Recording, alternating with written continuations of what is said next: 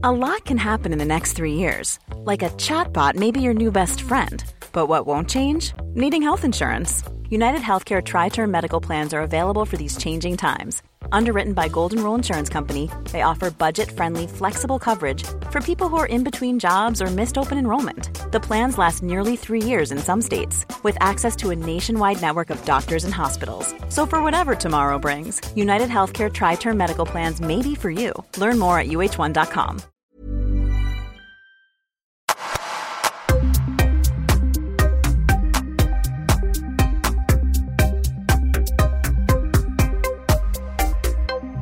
Jonas Gratzer, välkommen till Öppet sinne.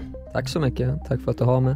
Ja, alltså det här är ju rätt spännande för eh, en gemensam vän till oss som eh, lyssnar på min podd sa Fan, du borde verkligen intervjua min vän Jonas Gratzer och namnet klingade i mina öron. Och säger han, du kanske vet om det, för han gick i Aspuddens skola.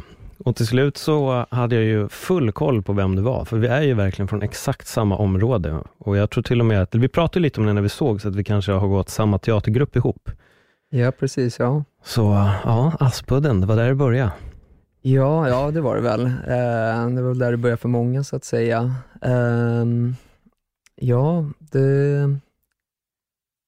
För, för om vi säger så här, för det är, en- vi har ju båda gjort otroliga resor på, vår, Mhm. på våra olika håll. Det är egentligen bara att vår startpunkt är ju att vi har gått samma skola. Mm. Du har hamnat på din sida av livet Mm. och idag håller du på med foto. Om man bara summerar det väldigt enkelt, så är det ju det så det har gjort. Men, men vad har hänt lite på vägen och hur startade det för dig i, i plugget? För jag har ju varit väldigt verbal med att jag har inte varit jättenöjd med kanske min liksom, skolgången på det sättet. Eh, och vi gick ju samma plugg och jag vet att när vi träffades, eller när vi skrev till varandra så sa det, fan jag kan verkligen känna igen mig i dina Mm. tankar om skolan. Ja, jo, nej, men visst. Eh, skolan gick väl inte, det var väl inte, det var inte så inspirerande så att säga. Jag minns att där någon gång i tvåan så gjorde jag ett medvetet beslut så att säga. Eh, eller ja, eh, hur man ska uttrycka sig, det kan låta lite förmätet, men på något sätt tyckte jag att jag såg igenom skolan, att, att det handlade inte om att utveckla det själv, utan mer att passa in i en, i en, i en färdig färdig mall så att säga. Och, det, och jag minns tydligast var det att vi hade en skrivuppgift när jag gick i skolan när jag var liten. Där man skulle skriva ett A4, eh, en fri saga. Och jag skrev, jag tror 12 papper eller något sånt där eh, och var jättestolt. Men då hade jag skrivit utifrån seriefigurer. Och det tyckte fröken inte om, så hon slängde den, hela, hela min lunta i papperskorgen och sa att det var skit. Och efter det tror jag så tappade jag liksom, ja, jag tappade tron på på det systemet, eller jag tyckte mig kunna se igen det och därefter så gjorde jag ett, jag minns det väldigt väl, gjorde jag ett beslut att jag skulle gå min egen väg i livet. Och, eh, och när man är 8-9 år och gör ett sånt beslut så, så man kanske inte har så bra koll på sina drifter så att säga, så det slutar ju, eh, ja, kanske inte riktigt där man bör sluta så att säga. Eh, Men jag minns att det var ett frivilligt beslut och det ledde sen till att jag fick byta skola redan i tredje klass till en skola inne på Södermalm. Och eh, det, det var under det glada 90-talet när man experimenterade med olika pedagogiker. Så jag hamnade i en sån här uh, fyr-sexa kallades det. Vad är det för något? Ja, Det är när man går blandade årskullar, så de Ah, fjärde klass och sjätte klass och femte klass går tillsammans. Mm.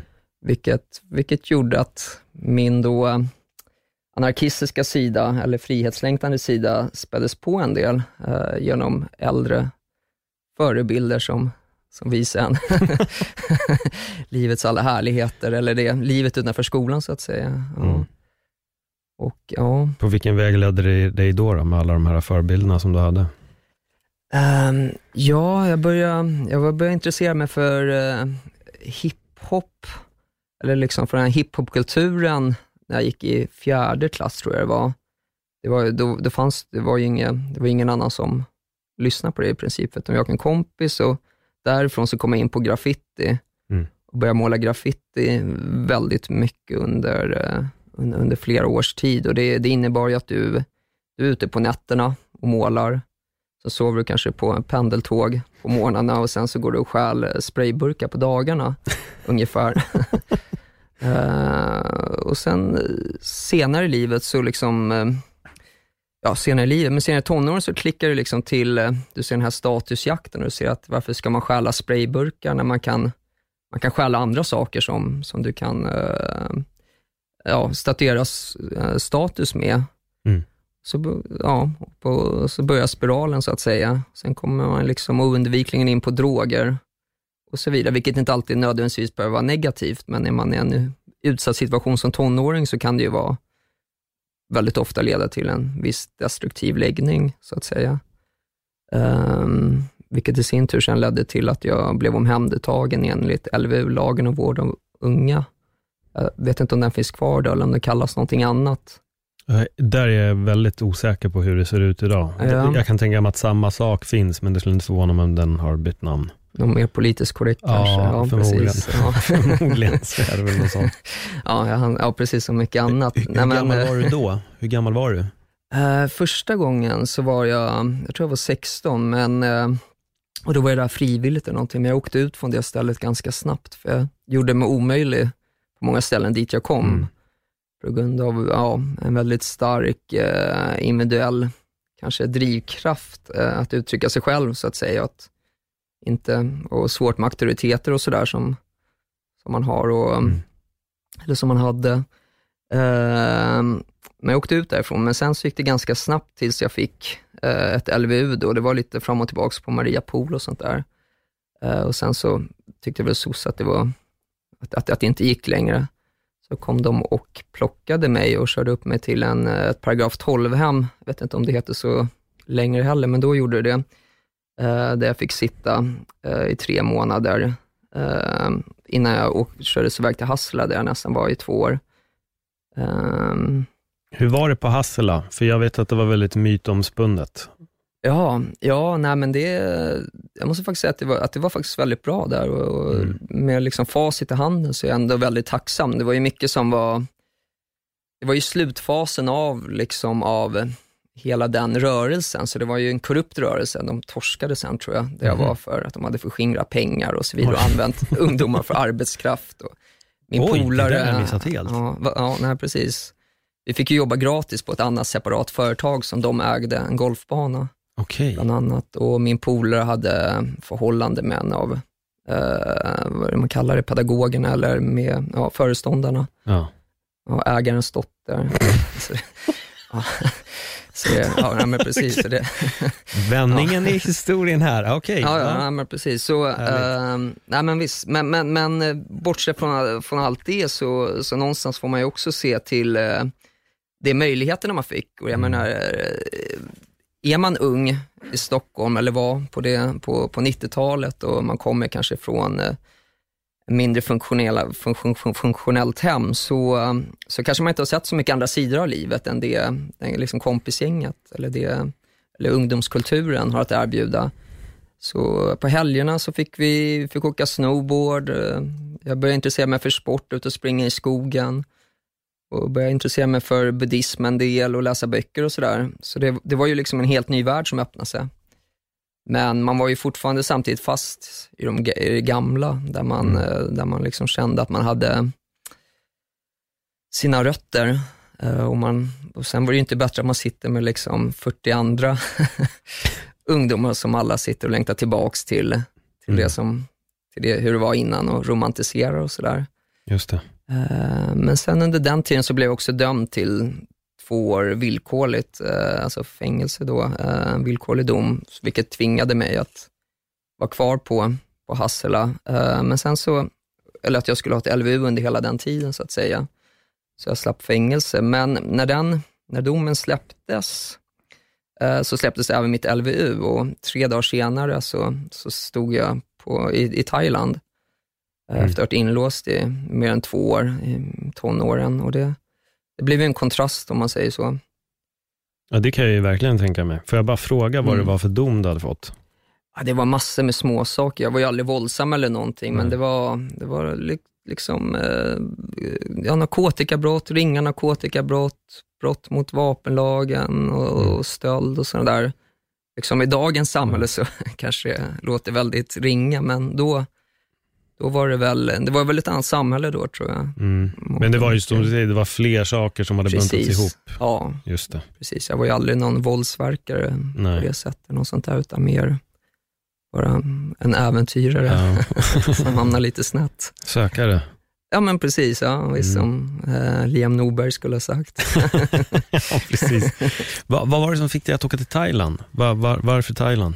Nej, det var egentligen inte, det var inte jag, utan det var en kompis som jag hade, som jag hade tillbringat tid med på Hassela som skulle åka dit. Och, eh, Så frågade han om jag ville följa med och jag hade lite gamla pengar eh, sparat sen, sen livet innan.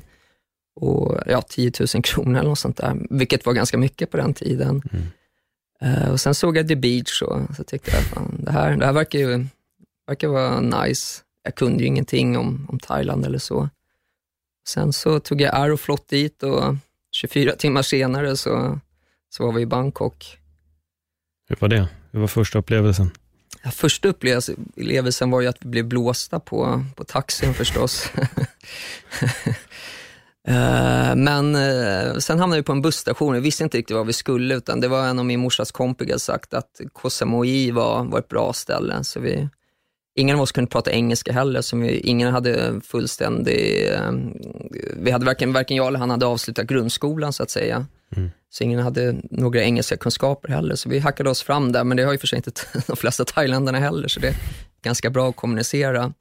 Men så slutade vi upp på en nattbuss, minns jag, och, och det var under monsunperioden och vi låg, eller jag låg längst bak i bussen på tre säten medan regnet öste ner på rutorna och jag låg och lyssnade på min eh, Sony Walkman som jag hade på den tiden på, eh, ja, på ett kassettband då. Och så tänkte jag, fan, det här, det här är vad jag vill göra med mitt liv nu framöver. Det är här jag hör hemma. Det, jag hade hittat rätt. Så att det var någon ny gnista som tändes i mig då. Mm. Jag minns det, minns det väldigt tydligt att det, det tog ungefär sex timmar tills jag visste att det här, är- här i Asien, liksom, det, här är, det här ska bli mitt nya hem. På, vad var det som gjorde att du kände så?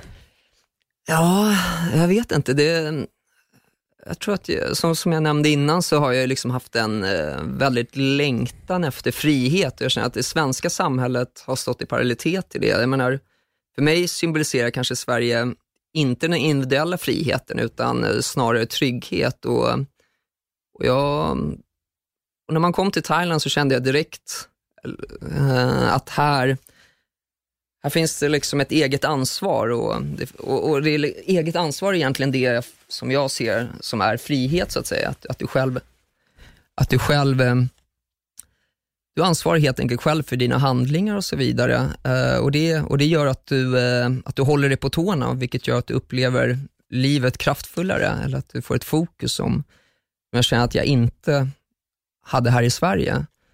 Eh, och det här är förstås en efterhandskonstruering, men eh, det är så, eh, om, om jag analyserar det, så tror jag att det är det som var den avgörande faktorn, så att säga. Att man kände, eh, här finns frihet, så att säga. Tror du det är för att du under en väldigt lång tid i din uppväxt här i Sverige har levt i en sorts fångenskap? Att det är det som gör att du känner så, medan där har du inte de här banden, de här lärarna eller de här, vad ska man säga, personerna med makt som du kunde förflytta in dig i ett hem, de fanns inte där. Absolut, del, delvis det. Sen tror jag även att de asiatiska samhällena, det här kan ju låta väldigt paradoxalt, och de flesta liksom, eh, asiatiska, eller många av de asiatiska samhällena där jag har verkat i har varit liksom, antagligen fulla diktaturer, halvdiktaturer, men ofta så är det, liksom, i diktaturer så har du två lager, så att säga, eller en informell och en formell eh, verklighet och den informella får du egentligen göra vad du vill i. Så, att säga. Den är, så, så, så, så jag kan uppfatta ibland att det är som man är i, till exempel om man har varit i Iran och så här, så är det ju bra mycket vildare och friare där än vad det är i Sverige på, på ett plan. Men samtidigt så är det väldigt, väldigt farligare och mer förtryckande på ett annat plan. Så, men så här i Sverige så är det mer en kompakt känsla upplever jag nog. Ehm, men sen har jag alltid stått lite utanför samhället på grund av ehm, Ja, på grund av att jag, jag är inte, mina föräldrar är ju inte svenska, ingen av dem. Eh, men de är inte heller tillräckligt osvenska för att vara, så att säga, att, att klassificeras som utlänningar då min pappa är från Österrike och min mamma från Tyskland. Så man hamnar i en sånt där mellanläge där du varken är utlänning eller svensk. Mm. Och, det, och det, det gör ju att du får en speciell position så att säga. Eh, någon form, eh, och, och liksom du föds ju in inte ett utför, utanförskap, men, i, men du, för, du föds in i, ett, um, i en position där du befinner dig liksom i alla läger, så att säga, men inte i något riktigt, tror jag. Um, och uh, Det gör ju att du kan att du får ett annat perspektiv på samhället, tror jag. Uh, och vilket kan, uh, i mitt fall då bidrog till att jag kände att uh, det svenska samhället var nog ingenting för mig. Nej. Hur kändes det när du hade varit i, i Thailand ett tag? den första gången eller? Jag, jag tänker resan. efter den här några dagar, vi tar några dagar, någon vecka in efter din känd, upplevelse med Walkmanen i bussen.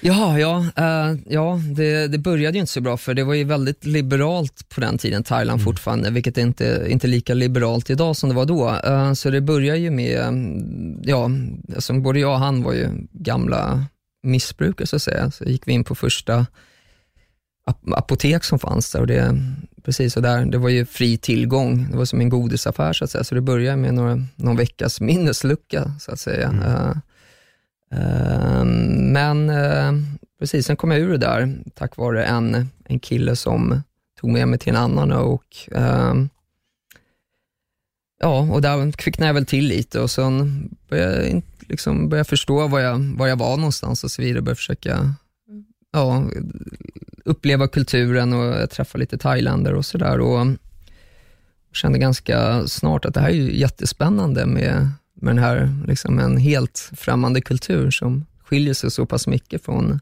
från den kulturen jag kommer ifrån. Mm. Um, Vad var det som fick dig att plocka upp kameran? Ja, det var långt senare faktiskt. Det var, mm. ja, sen när jag kom hem från min eh, första resa i Thailand så så min kompis hade fått en psykos, han jag var där nere med. Så han åkte, ner, eh, han åkte hem innan mig, hem till Sverige då. Och han hade fått för sig att han var jag och jag var han. Precis, ja. det kan låta något eh, absurt, men så var fallet. Eh, så han ringde till min mamma och sa allting som han hade gjort, att jag hade gjort det. Eh, så min mamma ringde då till SOS som hotade mig med att sätta ett, eh, LVM, tror jag det heter, lagen om vård om missbrukare, mm. när jag kom hem eh, till Sverige. Om jag inte följde deras direktiv, vilket var att jag plugga på en folkhögskola i Bålänge. Eh, så när jag kom hem därifrån så åkte jag upp till Bålänge och började plugga där och då träffade jag en, en, dal, ja, en tjej från Dalarna. Och, vi, och eh, efter ett år så hade jag jobbat ihop pengar för att sticka igen och så var vi ute på, på en långresa eh, under, det var planerat att det skulle vara eh, sex månader, men det blev ett år cirka. Eh, och, och, ganska snart fattade både, nog både jag och hon att det här med liksom backpackarna och sånt där var ganska, ganska innehållslöst, om man ville ha någonting mer Uh, och hon köpte då faktiskt en, en tidernas begynnelse var en digitalkamera. Mm. Uh, och eh, jag började intressera mig ganska snabbt för, för att fota med den eftersom jag alltid haft ett intresse i bild, bland annat graffiti och så vidare. Och, och även så förstod jag att det var ett sätt att kunna uttrycka sig med. Eh, sen var vi i eh, Burma, eller Myanmar om man så vill, eh, på ett sånt här guesthouse och där hittade jag min första upplaga av National Geographic som jag någonsin hade bläddrat i. Och, och Det var så ungefär som att öppna en bibel för mig. Då liksom föll bitarna på plats och tänkte att det är det här jag ska göra. Och sen efter det så ja, var fokus på fotografi. Mm. Släppte jag inte den tanken och så åkte jag hem till Stockholm och så jobbade ihop pengar, åkte över till USA och köpte en, en kamera då, det, jag sparade in resan på att åka dit på grund av skatt och så vidare. Uh, och sen så började jag, ja, på den vägen är det. Har du pluggat foto eller har det bara varit att du har kört på egen hand? Jag gick en sån här kvällskurs på, vad heter det, Folkuniversitetet, mm. men det var väl lite rörigt där, för det var en brytningstid mellan digitalt och analogt. Ja, precis. Det, det var väl lite var väl lite rörigt, så man säger så. Men, men det ledde i alla fall till att jag fick eh, fotoassistansjobb, eh, vilket, vilket var väldigt givande. Eh, så jag gjorde det för två, tre år. Så jag jobbade ihop en buffert och sen så åkte jag ut med Martin Schibbe om, om han journalisten som var fast i Etiopien. Mm. Så åkte jag han till Nepal och gjorde ett reportage om human trafficking, som fick en del spridning i svensk press och utländsk press. Och sen dess, ja, det var 2000, januari 2009, och sen dess har det, har det rullat på. Hur, hur var det att jobba med och fota just, alltså human trafficking är väldigt uh, speciellt. Hur var det att blicka in i den världen? Ja, det... När man är fotograf, eh, anser jag i varje fall, då måste du liksom, du måste ha förvå, förmågan att kunna ställa dig utanför din kropp när du, när du gör de här sakerna. Det, jag tror att det, det, det går för många, för många yrken. Eh, du kan inte ta åt dig. För det, det skulle bryta ner dig, eh, varför man jobbat med det jag har gjort. För det, det är så otroligt mycket lidande som man exponeras för och, och svåra situationer, så du måste på något sätt ställa dig utanför din kropp och se att du egentligen är där som ett verktyg. Eller, så du kan inte emotionellt binda upp dig, men i början, första gången, så minns jag, då, då bröt jag nästan ihop på flygplanet hem. För med de här historierna om de här kvinnorna som berättade för oss vad de varit med om, det, det är ju fruktansvärt, fruktansvärda scener förstås och är man inte beredd på vad man ska få höra och allvaret i det så, så precis, det, då får man ett slag i ansiktet. Mm.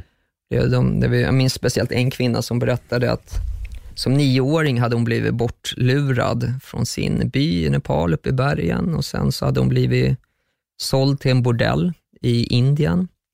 Och så mm, andra eller tredje natten så skulle hon ligga med en, eh, med, ja, med en av de som kom dit för att köpa, köpa sex. Eh, men då vägrade hon. Så natten efter så kom bordellmamman då in och satte en strumpa uh, i munnen på henne och band fast henne och så drogade de henne och sen kom nio män och gruppvåldtog henne. Och efter det så sa hon inte nej längre, utan eh, ja, hon började jobba där helt enkelt. Eh, och hon sa att det, i princip så är det bara två sätt att komma ut ifrån bordellerna. Det ena är det heter att du får HIV och det andra är att du dör. Mm.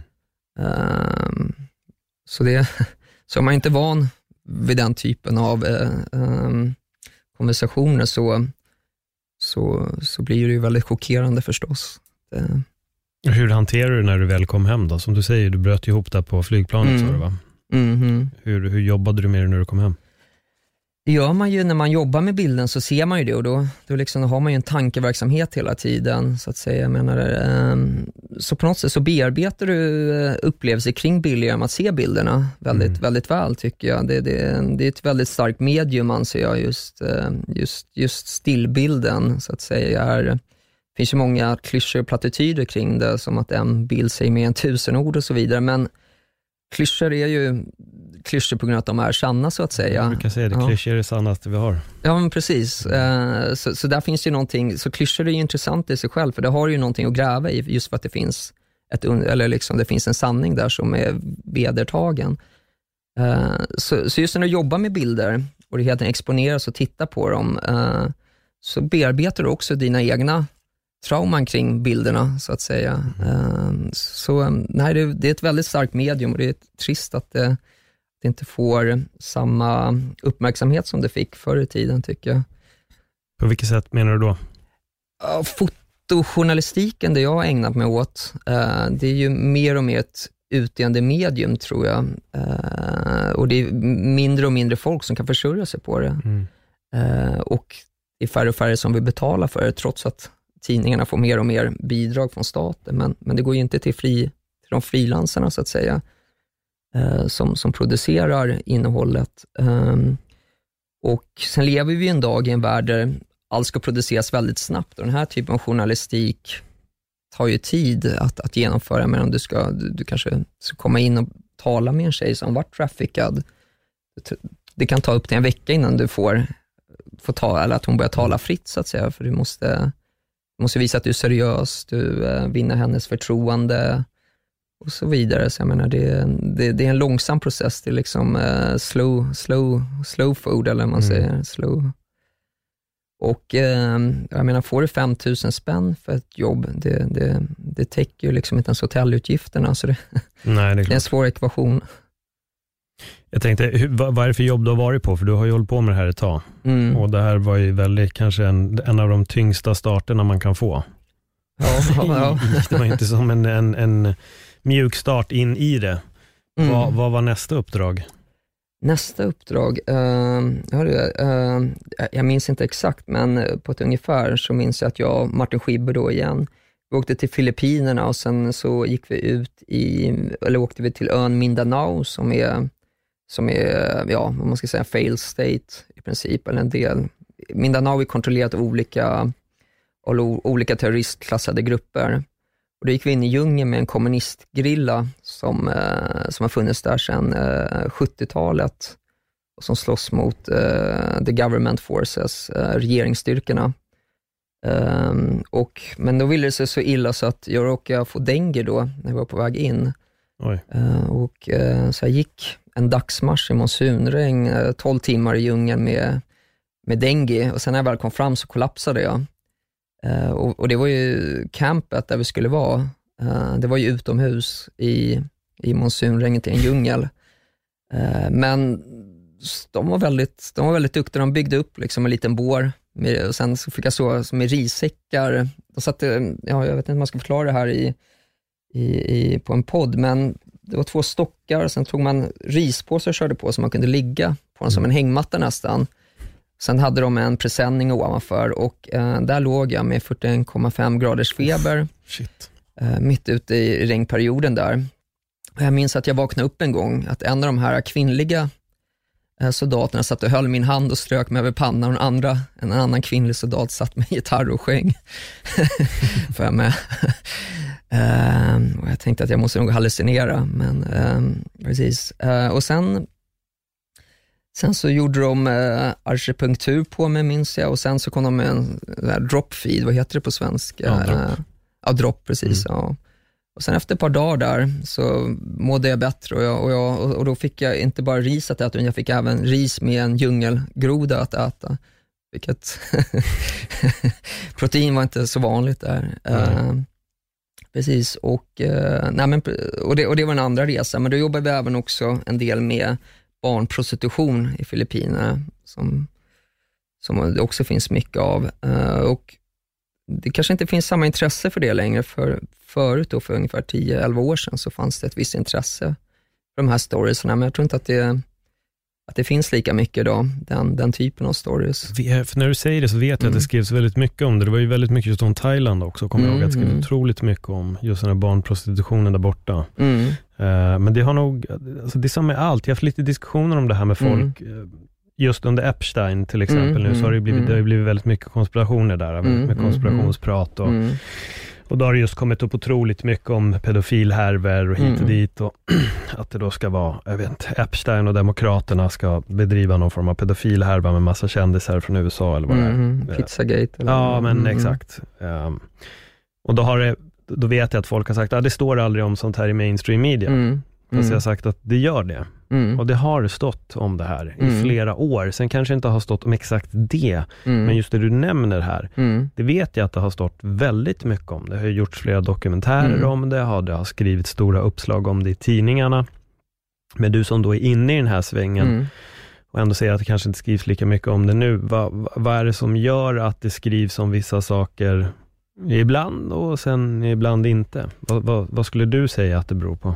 Um, med lätt att låta konspiratoriskt, men jag ser att det finns klara trender i, i vad som skrivs om. Mm. Uh, jag höll på att skriva om uh, miljöförstöring långt innan det blev populärt och ingen, väldigt svårt att sälja. Sen efter uh, ja, Greta så var, det, så var det bara det jag gjorde under ett mm. tag. Uh, och Det är sådana frågor som kommer och går så att säga. Uh, och Jag upplever att det är väldigt toppstyrt. Uh, jag har till och med fått order av vissa tidskrifter vad jag ska ha med och inte ha med så att säga. Eller liksom, hur vi ska vinkla nyheten, så, så det är inte alltid att jag upplever att det är kanske per se den, den mest liksom, hur man ska säga, objektiva sanningen man är ute efter ibland, utan ibland kan det även vara liksom en ideologisk sanning som man vill förmedla. Mm. Uh... Cool fact a crocodile can't stick out its tongue. Also, you can get health insurance for a month or just under a year in some states. United Healthcare short term insurance plans, underwritten by Golden Rule Insurance Company, offer flexible, budget friendly coverage for you. Learn more at uh1.com. I'm Sandra, and I'm just the professional your small business was looking for. But you didn't hire me because you didn't use LinkedIn jobs. LinkedIn has professionals you can't find anywhere else, including those who aren't actively looking for a new job but might be open to the perfect role, like me. In a given month, over 70% of LinkedIn users don't visit other leading job sites. So if you're not looking on LinkedIn, you'll miss out on great candidates like Sandra. Start hiring professionals like a professional. Post your free job on linkedin.com/people today. Och precis som jag sa, att, att det, det är väldigt starka trender upplever jag inom, inom, inom, inom media vad, och vad som man ska skriva om för tillfället och inte. Mm. Eh, och Det kan ju bara fråga sig vad det beror på. Eh, det vågar jag inte svara på, men, men jag, tror ju oftast att saker och ting har att göra med affärsintressen och så vidare. Mm. Eh, men det, det låter jag vara osagt. Ja, för jag, vet, jag vet också att jag försökte förklara för någon Mm. jag pratade med att skulle man skriva allting som händer i hela världen, ja, men, Mm. det är inte en tidning man får då. nej, nej, nej, nej, precis. Nej, nej, visst, så är det För, ju. för då hade det ju varit allting. Det hade väl också lite haft, det, är ju mycket just nu med väldigt mycket, liksom, vad ska man säga, det är en speciell tid vi lever i med den informationen och desinformationen Mm. som kommer ut. Det är Mm. ganska obehagligt att se viss Mm. desinformation som cirkulerar också. Eh, Men då kom vi in på det, ah, men varför skriver de inte det här, varför skriver de inte det här, varför skriver de inte att så här många dog av den här sjukdomen i år? Jag bara, Mm. men alltså, ska vi få hem en bibel varje måndag? Ja, ja. Varje tisdag. Alltså, vi hade fått, det hade aldrig fått plats om vi ska skriva exakt alla som har dött i allting och nämna varenda person som har gått bort. Men det går ju inte. Alltså, det är helt omöjligt. En papperstidning, vad är det, 30 sidor kanske? Mm. Du kommer välja vad som står i den. Men sen är det så här också att du har ju algoritmer idag Mm. som, eh, vi lever ju i en form av matrix, Ja. eh, om, ja, ursäkta uttrycket, men, men jag menar utan att dra på för stora växlar. Men, men så här, jag, jag, kan, jag, kan, jag kan berätta en anekdot. Eh, när Rohingya-krisen hände, det var väl 2017 tror jag, så den här Exodus från, från Burma till, till Bangladesh. Det var väl 600 000 människor tror jag som begav sig av. Då hade jag precis varit i det, i den bangladeshiska sidan i i de här stora läger, flyktinglägren där och gjort ett reportage därifrån. Och då hade jag bland fått information om eh, att den burmesiska eh, militären använde sig av våldtäkt som, som ett vapen Mm. av flera olika kvinnor eh, som jag och min kollega Ivar Andersen eh, intervjuade.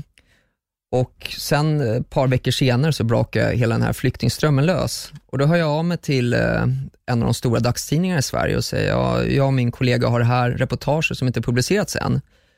Uh, skulle ni vara intresserade av det? det? Det är något av ett scoop. Då får jag svaret tillbaks att eh, tyvärr, våra algoritmer säger att eh, våra läsare inte är intresserade av Bangladesh. Vi får tacka nej den här gången. Eh, och sen, ja, en månad senare så kör New York Times det som ett scoop. Eh, så, så, så det finns ju den aspekten, den rent algoritmiska aspekten på hur nyheterna, hur, vad, det, det är ju clickbait idag så att säga eh, i mångt och mycket. Så det är ju, precis, och det, och det är ju en fördummande process tror jag. Att en, eh, jag menar, för det, det är ju medianvärdet man strävar efter hela tiden.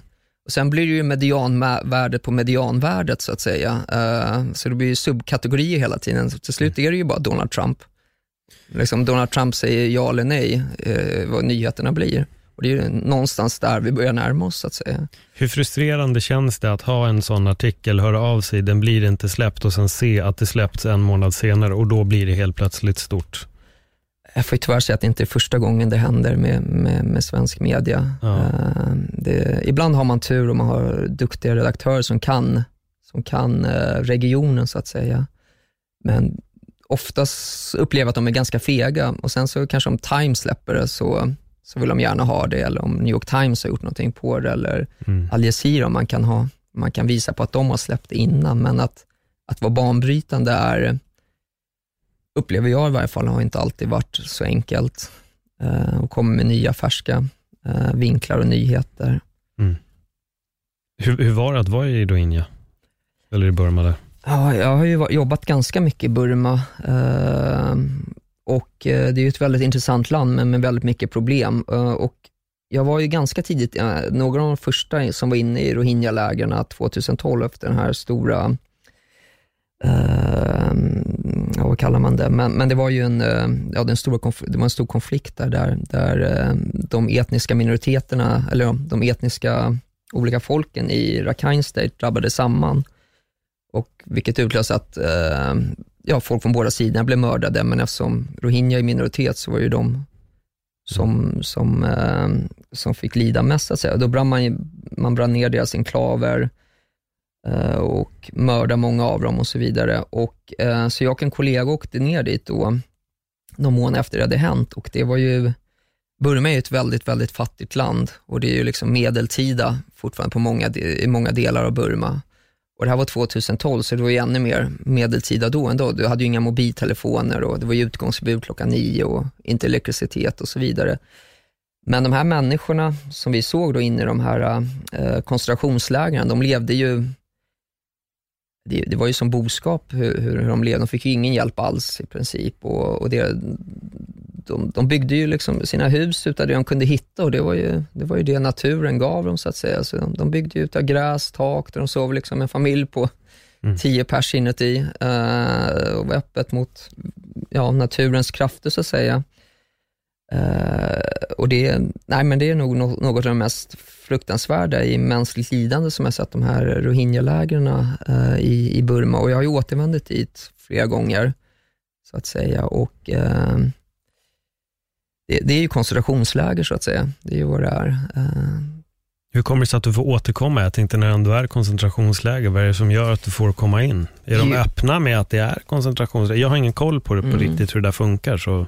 Nej, det är de ju inte, men samtidigt så, så, så som jag nämnde innan så är Burma, ett, eh, eller Myanmar, eh, ett väldigt, eh, hur man säger, det ligger ju efter utvecklingsmässigt. Mm. Så när du arbetar i, i Burma, så det är en katt och råtta-lek. De har ju en, eh, en civil, alltså en secret service där. Kanske inte lika mycket nu, men då, då var det ju fortfarande, liksom, det var ju fortfarande ett stängt land, en, en, en fullfjädrad militärdiktatur mm. 2012. Det var innan innan valet, eh, innan det första demokratiska så kallade valet. Men, men, eh, så jag hade ju hetat den här säkerhetstjänsten, men just på grund av att de var ja, efterblivna kanske rent ut sagt, då, så, så låg det alltid ett steg före och de hade ju liksom inte riktigt koll på saker och ting eh, och kanske inte så utbildade, så det kunde alltid på något sätt slinka in mm, okay. och hitta vägar. Så eh, när vi var där inne så fick man ju gömma sig ibland när det kom de här militär, militärpolisen dundra förbi. Då fick man ju gömma sig och och så fick vi springa in via en äng på morgonen när man blev droppad med en bil och sen så fick man springa över en äng in i, in i lägren och sånt. Så det, och, och om man ska bedriva journalistik på det sättet jag har gjort i, i, i den delen av världen så kan det inte gå att åka in på ett, på ett journalistvisum. För det, då, då har du liksom mer då har du med dig folk ifrån regeringen som kommer följa med dig som ett förkläde och det, det, är ingen av de utsatta som kommer tala då, Nej. givetvis. Så, så, du, du är ju står ju alltid utanför eh, liksom, eh, lagen på något sätt när du jobbar där. Och, och, det är ju en risk som du får ta, så att säga, för att, för att kunna rapportera om vissa saker. Ja, det var väl han som du åkte på ditt första jobb verkligen fått utsättas för. Ja, ja precis, verkligen. Och det, och jag menar, eh, men det måste man också inse då, om man får det straffet, man, man står inte ovanför lagen som journalist, mm. så får man ju vara beredd att, att ta det och, och de konsekvenserna så att säga. Och det, um, men det är ju ett väldigt utsatt yrke, absolut. Och mm. speciellt mm. som frilansare. När har du, upplevt, har du upplevt skräck någon gång när du har varit på något av de här uppdragen? Ja, varje gång jag sätter mig i en bil. Ja. För trafiken i den här delen av världen, det, det är knappt att de har ratt ibland, eh, bilarna. Så det, mm. Man har varit med om några bilolyckor och, och sådär. Och, och det är där Precis. lite, lite där. När man ser att chauffören som ska köra håller på att somna hela tiden, man får mata med Snickers och Red Bull och sånt där, mm. så då, det är klart att man tänker lite extra på, på familjen där hemma. Jävlar. Äh, på barnen. Äh, men precis, man har väl haft tur också en del kanske. Mm. Är det någon gång när varit utsatta för ett stort hot, alltså externt? Att någon har kommit, militär eller något annan, någon annan grupp? Ja, ja, flera gånger absolut och blivit mordhotade och så vidare. Det, det, det hör till. Eh, men det har lärt mig, det, liksom, tar man det bara lugnt så, mm. så brukar det mesta gå bra. Och det ligger ändå i ens kontroll, så att säga, när du är med andra människor, hur du agerar. Mm. Men sitter du i en bil så är du helt utelämnad till den här 16-åriga eh, chauffören, så att säga, eh, mm. som förmodligen inte har körkort. Och det, det gör i alla fall mig rädd och du har inget säkerhetsbälte och så vidare. Eller han kör mot trafiken för att undvika bilköer eller något sånt där. Uff, ja, det är uh, härligt. Så det, men, men när man, oftast med människor så brukar det gå bra. Det, det, mm. det, är inte så komplicerat som man kan tro, utan det, det handlar ofta om, om att man håller sig lugn bara och då, då ser människor att uh, det, det får de också, det, det ingjuter liksom ett lugn i dem också tror jag. Mm. Vilket, vilket gör att du kan komma undan i nästan alla situationer. Vilka har varit det mest krävande jobbet för dig att göra? Oj, det mest krävande måste jag nästan ta och tänka ett tag. Ehm, du menar rent emotionellt eller? Ja, kan, ni- du kan nog i och för sig ge två svar på den här Okej, inser ja. jag kanske. Du Ja. får, men emotionellt var det jag tänkte på. Ja, det, är ju, det, är, det är ju lidande och sånt man ser, speciellt Mm. när det kommer till barn. Det, är- det är inte, det är inte kul.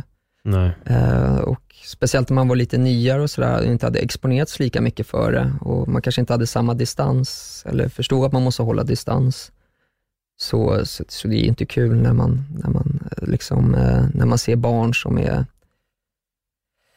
prostituerade under tvång eller, ja, eller vad heter det, eller om man, ett barn som precis har dött Mm. på grund av att den har nekats sjukvård på grund av att den har fel etnicitet eller Mm. så vidare. Eller barnarbetare, det är ju också som, som lever liksom, eh, ja, på existensminimum verkligen. Som, som, som, de, de ser ut i ansiktet ser de ut att vara 20, men, men egentligen är de bara 6-7 år gamla.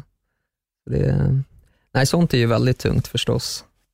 Det är nog det värsta tror jag. Hur känns det att komma hem och se hur vi lever och hur vi kanske har det och våra problem här när du har varit där? Hur, hur, hur sätter du perspektiv på allt? Ja, eh, jag ser det som att Sverige lever ju i en ideell värld, eller liksom en eh, långt borta från, från kanske alltid så verkliga eh, problem, utan mycket av problem vi har är ju ideella, tror jag. Eh, och kanske inte alltid så drivna av realitetsprinciper, eh, tänker jag ofta. Att eh, Precis, man skulle kunna undvika mycket av en problematik, att man skapar sig kanske en del av problematiken här, då talar jag främst om medelklassen, eh, kanske inte om arbetarklassen som har det, som kanske, som har det tuffare. Eh, men, men jag tror att och medelklassen är ju ändå den dominerande klassen här i Sverige. Och mycket utav problemen när man talar med folk tror jag att man lätt skulle kunna undvika med en annan livs, livsfilosofi så att säga. Eh, och jag menar, när man har bott ett tag i Asien så ser man ju hur de hanterar problem eh, och vilken typ av problem som finns där. Och, då, och Det är oftast riktiga, rejäla problem, materiella problem så att säga. Medan här så tycker jag ofta att, att det kan ju till och med vara diskussioner om diskussionen så att säga. vilket meta, riktiga metastrukturer, vilket Mm. är helt onödigt egentligen. För, för det, det har ju ingenting med realiteten att göra, anser jag. Nej. Eh, Utan det är ju dekadent. Ett dekadent där man bryr sig om utformningar mer än om innehållet, så att säga. Att, eh, precis. Ehm, och ehm, ja, Jag, jag, jag sitter nästan och, och tänker lite på det du säger och halvskrattar inombords när du säger just det att man kan ha en diskussion om diskussionen. mm, Ja. Jag upplever själv väldigt mycket att ibland så läggs det så sån fokus på så jävla knäppa saker i den här delen av världen. Ehm, man kan prata om någonting som någon har sagt och så ska man bryta ner det mm, väldigt mycket och förklara hur fel det är för Mm. att den här personen har sagt det. Jag hade en, en, en person som skrev till mig en gång och ifrågasatte en grej som jag hade sagt här i podden och då sa jag det, är det ordet jag använder Mm. eller hur jag använder det som Mm. stör dig? Mm, Och då är det så här, ordet ska inte användas bara. Jag bara okej, fast i min värld så Mm. upplever jag att det är en fråga om hur man säger det. mm, Jag har den senaste tiden levt efter inställningen att jag kommer inte låta någon människas ord trycka ner mig, mm, men jag kan aktivt välja att bli störd på det. mm, Om någon mm, säger att Paul, du är ful eller Paul, Mm. du gör ett dåligt jobb, så är det dens perspektiv på Mm. vad jag gör. Om, om jag börjar argumentera emot det, då har ju personen förmodligen rätt. mm, ja, precis. Så för mig är det nog mer om någon säger, jag vet inte, jag, ja, jag tycker det är bra när du säger det där. Eller oftast har man en diskussion och diskussion eller att vi ska sitta och förklara ord eller du tillhör inte den gruppen, därför får du inte säga det här och så vidare. Mm, vi kan mm. bryta ner grejer i sån otrolig galen idioti bara, Ja, ja, rent ut sagt. Men sen hör man då det du upplever och det du ser av delar av världen och då börjar jag undra egentligen, varför blir vi så jävla provocerade av skit här och varför sitter vi och bryter ner skit? Verkligen bara ska överanalysera allt. Jag tänker att det, man kan ta en buddhistisk approach på det där, att det är liksom lidandet som skapar livet och lever i ett samhälle där man försöker eliminera liksom allt lidande. Du kommer ändå skapa det för att få känna att, att, att, du lever så att säga omedvetet. Och det är mm. kanske lite det man ibland håller på med så att säga eh, på ett omedvetet plan. Att, det, att man vill hitta problem för det, det ger en känsla av att man att man existerar så att säga, så man inte är helt dåsa. Uh, um, och jag menar, för man skapar ju massor med problem som egentligen inte existerar, till exempel ordval. Mm. Och, och jag menar, vad du menar kan ju aldrig jag veta. Det är ju bara en pro, pro, produktion på dig. Jag säger att du, du sa så för det och det. Mm. Det är egentligen min verklighet som jag säger ut och det säger egentligen mer om mig än vad det säger om dig. Uh, så det är egentligen den personen förmodligen som, som har svårt för det ordet då, för att den kan inte bli påmind om det, för det påminner om någonting inom ens egna struktur. Ja, till exempel det här är liksom, som jag kan se att det finns en väldigt uh, Saker och ting blir väldigt lätt fanatiska här, mm. kan, kan jag uppleva. Att, det, att, man hoppar från det ena till det andra. Och, det, och jag menar, fanatism bygger alltid på ett, liksom ett förnekande inom dig själv och därför måste du överkompensera. Mm. Så den som, den som förhåller sig mest fanatisk är förmodligen den som egentligen känner minst för det, så att, säga, att, att du måste IS ungefär. Mm. Eh, de överkompenserar eh, liksom sin islamska tro, så att säga, i och med att vara fanatiska. För att de kanske någonstans inte egentligen tror på det och därför mm. måste de bevisa för världen hur goda muslimer de är, så att säga. Uh, och Det är en perverterad bild förstås och, uh, och det tycker jag mig se här ibland, uh, kanske inte så extremt som IS, men det finns jag tycker definitivt fanatiska inslag i, i, i hur svenskar hanterar ja, ideologiproduktionen, eller man ska uttrycka sig. Det som fascinerar mig när vi ändå är inne lite på det, det är att mm. det spelar ingen roll vilken sida man står på. Fanatismen leder åt exakt samma håll. Mm. Och det, det, det är det som jag tror att många missar. De är så säkra på deras sanning att de bara kör på. Men de ser exakt ut som deras motsats. Mm. I det här clinchen så gör de ändå samma sak. Och det är någonting som så här höger, vänster eller vad man än tillhör som märker att ert jävla beteende är ju på exakt samma sätt. Ni sitter och krigar för er så kallade sanning på precis mm. samma sätt som ni stör er att den andra mm. krigar för sin sanning och så ser alla bara egentligen lika korkade ut. Sen finns det de som står i ett mellanläge och tillhör höger eller vänster eller vad fan man nu vill, vill ha, rakt mm. fram eller rakt bak. Som är ändå ett mellanläge där det är så, okej okay, men här är en, det finns en saklig diskussion liksom. Men sen finns det de som ska ta det här yttersta, ah, det här händer nu och därför, det här måste tas bort och det här måste förändras. Och så, fast fan nu gör ni ju exakt det de andra gör och som ni var arga på förra veckan. Och, Mm. ah, Okej, okay, nu är vi här igen. Jag har en, själv en teori om att oftast så, så finns, vi har problem från måndag till fredag. Mm.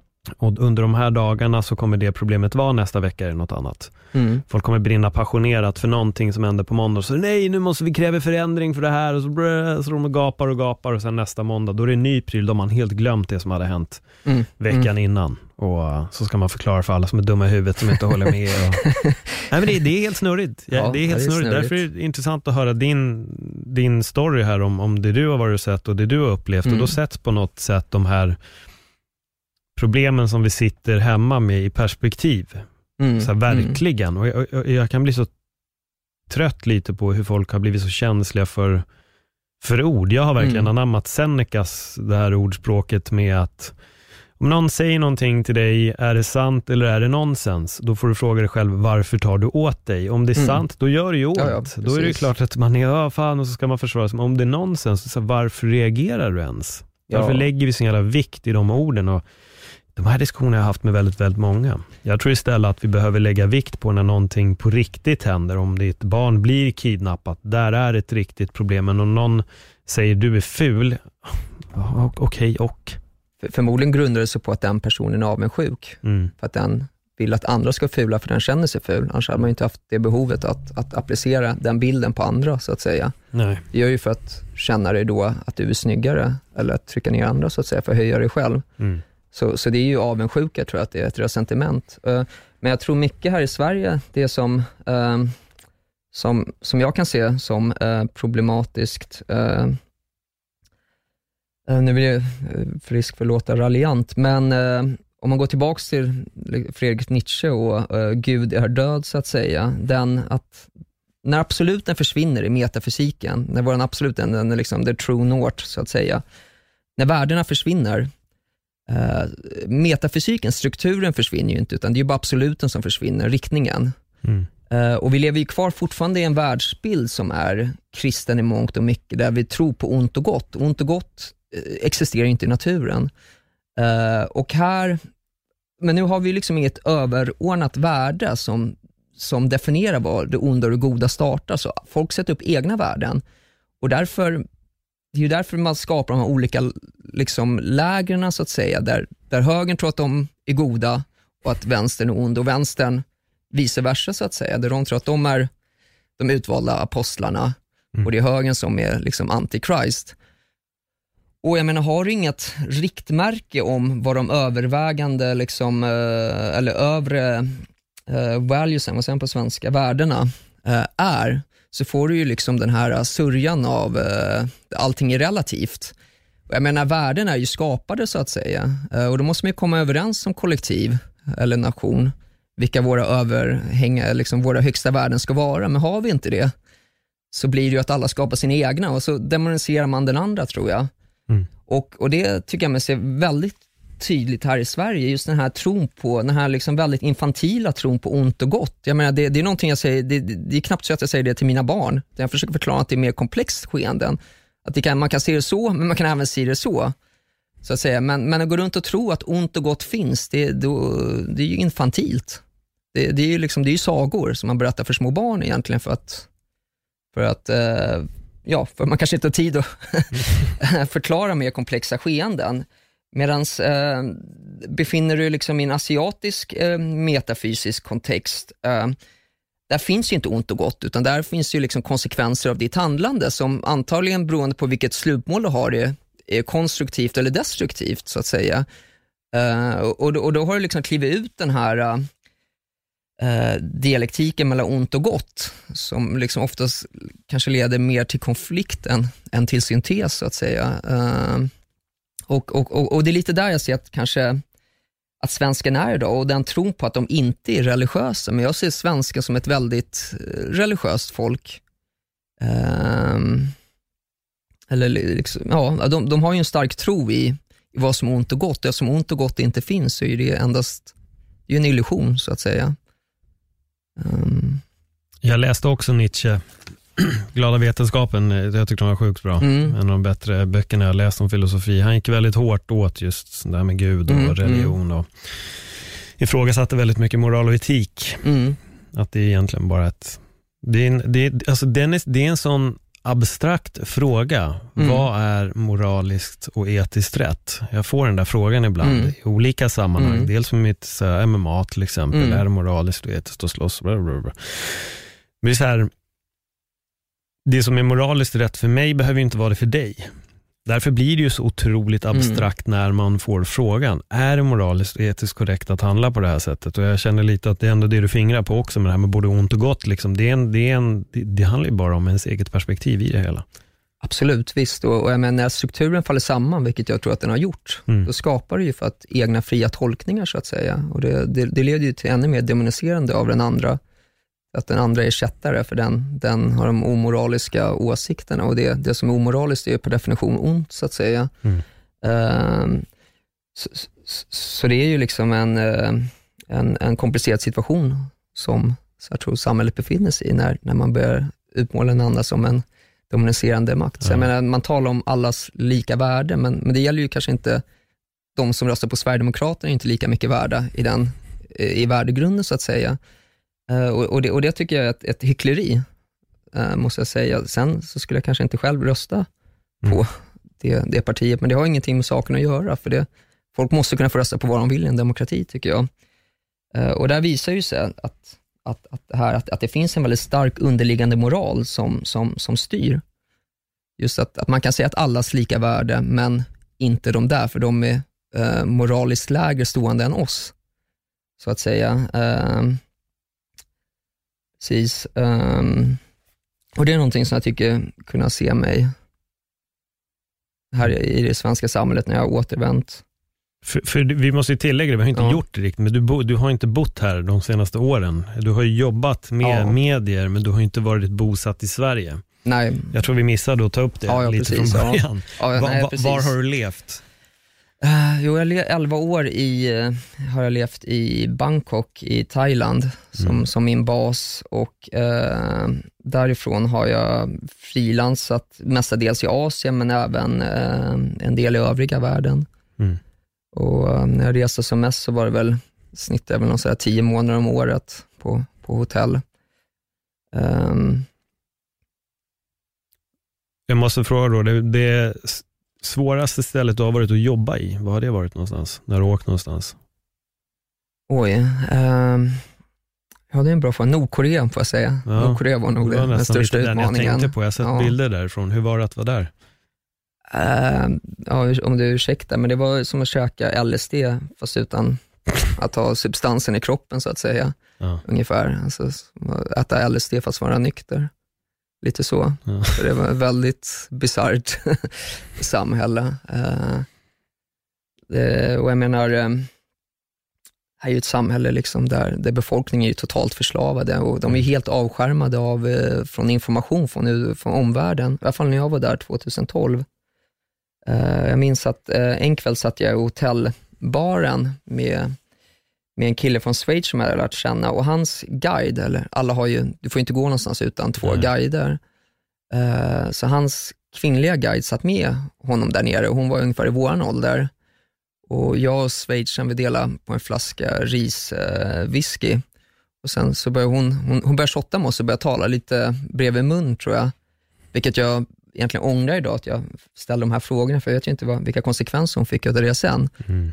Men det var ju så spännande, men hon började ju fråga sådana här frågor som liksom, eh, varför har man, har man sex på, varför har man sex för eh, om man inte vill skaffa, det är väl för att skaffa barn? Oj, hon frågade er det? Ja, precis. Liksom, jag har hört att de, man har sex för att man tycker att det är kul eller för att det är för att man njuter, men inte det för att skaffa barn. Oj, oj, vilken fråga. Oj, ja. Jag börjar verkligen förstå nu din, din referens där, att, eh, som att ta LSD utan att ha tagit något. Väldigt, väldigt konstiga upplevelser. Va, va, och vad svarade du på det? Ja, vad fan svarar man? Att det, att det, att det, liksom, att det, ja, att det är som att dansa kanske med någon annan eller att det, man upplever någonting tillsammans med någon intimt med någon annan. Eh, men, det, men det är liksom, det var svårt att förklara de koncepten och eh, personen i fråga var, var ju, tror jag, att det var ganska förvirrande, hela diskussionen. Sen hon började fråga om, eh, om vi hade tjejer som gillade tjejer, om det var sant. Och eh, sen ville hon veta mycket om YouTube och, och sådana saker. Eh, så jag menar, vad svarar man? Eh, jag menar, det på en person, hon är ju liksom, hon sitter ju i ett fängelse egentligen. Och det, det finns ju liksom, eh, kanske det finns en gräns hur mycket man vill dela med sig av. Jag menar, man vill ju inte att hennes världsbild ska raseras. Och, för det kan ju ske om det ger för mycket information, så att säga. Att, att, Verkligen. att, de, att de lever i en lögn, vilket man skulle kunna Mm. man skulle kunna säga, då propagandan är så, så absolut i, i Nordkorea. Ehm, men ehm, sen började jag, min journalistiska uh, liksom ådra komma igång och jag började fråga henne saker och, och det, det ångrar jag nästan idag, för jag vet inte vem som satt och lyssnade på det. Mm. Man vet ju inte vad hon fick för konsekvenser sen. Och hon, hon talade ju om samhället sen och de har ju någon form av klarsynthet, trots att, att, att det inte läcker in, knappt läcker in någon information, Mm. förutom den statliga eh, informationen så att säga. Vad sa hon? Ja, hon berättade att visst förstod hon på något plan att, att det var någonting som var konstigt och, och liksom hon som jobbade som guide såg ju det. Eh, och sen sa hon att, att liksom, sen det här med fria val tänkte hon på. Hon sa att vi har ju aldrig haft fria val, det, vi blir tilldelade en plats och, och sen så liksom anpassar vi oss efter det. Så Mm. rättar vi oss i leden så att säga. Eh, och att om hon hade fått välja så hade hon ju liksom velat se omvärlden också. Och ja, uttryckte egentligen indirekt att hon inte var tillfreds med, med, med hur, hur, hur, hur livet i Nordkorea hade sig. Mm. Och det räcker ju, det räcker ju gott och väl att du, att du, att du säger något sånt till fiendemakterna, så att säga. Verkligen. Inom parentestecken då. Eh, för jag menar, hela deras existensberättelse går ju ut på att det är världens bästa land och alla, länder, alla andra länder vill komma in och ta över oss. Men Mm. på grund av våra duktiga ledare så håller han oss säkra. Och liksom, vi är längst fram teknologiskt, vi är bäst på det och det. Och liksom alla andra är rädda för oss. Så att säga. Det är ung- ungefär så då. Um, uppfattar jag det som. Um, och, um, om hon, och jag menar, du fick ju inte, jag var ju där med en kamera, du fick ju knappt fota någonting. Om det var någonting som inte såg perfekt ut så, så kom ju liksom eh, först guiden, sen så kom ju mil- militärpolis och tvingade att radera bilderna. Eh, så bara det att hon sa det, att hon inte var fullständigt eh, ehm, eh, nöjd med hur samhället var strukturerat tror jag skulle räcka för att, för, för, för att försörja in henne till något av lägren. Ja. Eh, så det, ja. ja, jävlar. Ja, den Ja. där är ju, det ja, jag förstår att du undrar hur det har gått för henne sen. För Ja. de, har väl, de lyssnar väl på allt, gör de inte? Ja, ja, absolut. Och det satt ju en till kille där helt tyst och iakttog allting, en del av samtalet. Men alla vi, jag, schweizaren och hon, blev ju alla lite lulliga så att säga. Mm. Och då är det lätt att, hon tar, att, man, att man talar bredvid mun så att säga. För jag har hört, jag har en annan, en gammal petkund till mig som var där Mm. rätt, rätt mycket i Nordkorea och han sa det också att de har en förmåga, vissa guider, att bli ganska fulla. Mm, mm, Eh, och att det är nog lite deras grej också. Just för, han, om jag minns det rätt, Mm. så var det lite det att han sa att alla där har, många har ett problem, ett missbruksproblem, Mm. just för att de lever lite som de lever. Så att när de väl är fria för dagen sen så går de oftast och dricker och kan dricka ganska mycket. mm, Var det något mm. du såg också? Ja, jo visst. Jag, jag blev förvånad att, att, att, de ändå, att de ändå drack, så att säga. Mm. Fördomarna eh, sa ju att de kanske inte skulle dricka med, med västerlänningar och så. Eh, så, så absolut, de, de verkade vara, vara glada i sprit, som de flesta folkslagen är, när de väl fick chansen. Eh, men folk var ju väldigt rädda, generellt sett, tror jag. Eh, det upplevde jag och, och, och, och när man kom någonstans, de tittade på en som man var på en annan planet, så att säga. Så eh, det är svårt att avgöra. Jag fick så liten inblick i det samhället, så det, Mm. det var liksom den, den största inblicken var just genom henne, när hon liksom frågade om man gör, varför man har sex utöver att skaffa barn, eller liksom, vad är YouTube för något? Och liksom, kan, finns det tjejer som gillar tjejer? Och, och det, det var liksom den djupaste inblicken jag fick, tror jag. För allt Mm. annat var liksom väldigt eh, artificiellt, som vi fick se. Mm. Ehm, så det, det, är svårt att uttala sig om det landet. Det, det, det, är- precis, det är verkligen bakom en järnridå. Så är det helt otroligt när man tänker hur Sydkorea är. Ja, ja, ja herregud. Ja, ja, det, det går inte att få någon starkare liksom, eh, motsatser. Ja. Eh, psyk- Samma folk, samma land, klyvt på mitten Ja. bara och det ena är högteknologiskt, liksom spirar Mm. ekonomiskt Mm. och så har vi det andra som bara helt stängt Mm. och, och, och är som det är. För jag antar att du har varit i Sydkorea också då? Ja, ja, absolut. Ja. Vad är din upplevelse av Sydkorea? Det är, ju ett, det, är ju, det är ju framtiden, så att säga, de här länderna. Eh, Det är ju, jag menar, vi ligger ju här liksom i västvärlden, ligger vi ju långt efter och anser jag nog. Eh, Framtiden är ju Sydkorea och Singapore, eh, liksom delar av Indien, Kina och, och så På vilket vidare. sätt ligger vi efter tycker du? Eh, ja, jag menar i, både i, i fram, alltså i hunger tror jag, först och främst. Alltså där är, är folk väldigt, väldigt hungriga. Och där har man inte tid att debattera eh, metafrågor i samma utsträckning, utan där, där ska man framåt, Mm. medan vi har stagnerat. Medan eh, folk vill någonting, och man vill någonting kanske också för, sina, för de kommande generationerna, så att säga, mer att uppleva sig själv. Eh, och, och det driver ju samhällen framåt, så att säga. Medan vill du göra så härligt så, för dig själv, jag menar, det är ju stagnerande egentligen. Alltså, då bygger du ingenting för nästa generation. Och sen är ju även teknologiskt, och eh, är de ju långt fra, fram, eh, jag menar före oss, så att säga. Eh, och, och, hur de strukturerar samhällen. Det såg man ju under covid-19, så att säga. De, de länder som klarade sig bäst var ju Taiwan, Singapore och så vidare i den första fasen. Då är de ju ändå liksom, i princip grannländer med Kina, många av dem. Mm. Eh, eller Korea. Det var de, många av dem. Men tyvärr så var det ju många som kollade på Kina istället för att kolla på liksom Taiwan, som var ett utmärkt eh, skulle kunna vara ett utmärkt exempel på hur man skulle kunna deala med covid-19. Eh, så, nej men, och, och, just det här, äh, om man till exempel Taiwan då, som, vi, som, som jag nämnde nu, om man tar det som exempel, där har de, det är ju liksom någon form av en syntes eller en hybrid mellan det bästa av två världar, tycker jag, utifrån det jag har sett där. Du har ju liksom samhället och samhällsfunktionerna är strukturerade på ett västerländskt sätt, men så har du kvar den asiatiska familjebilden, så att säga, som är mer funktionell kanske än den västerländska. På vilket sätt då? Fördjupa gärna i den. Ja, okay, ja. Hur den är funktionell, mer funktionell.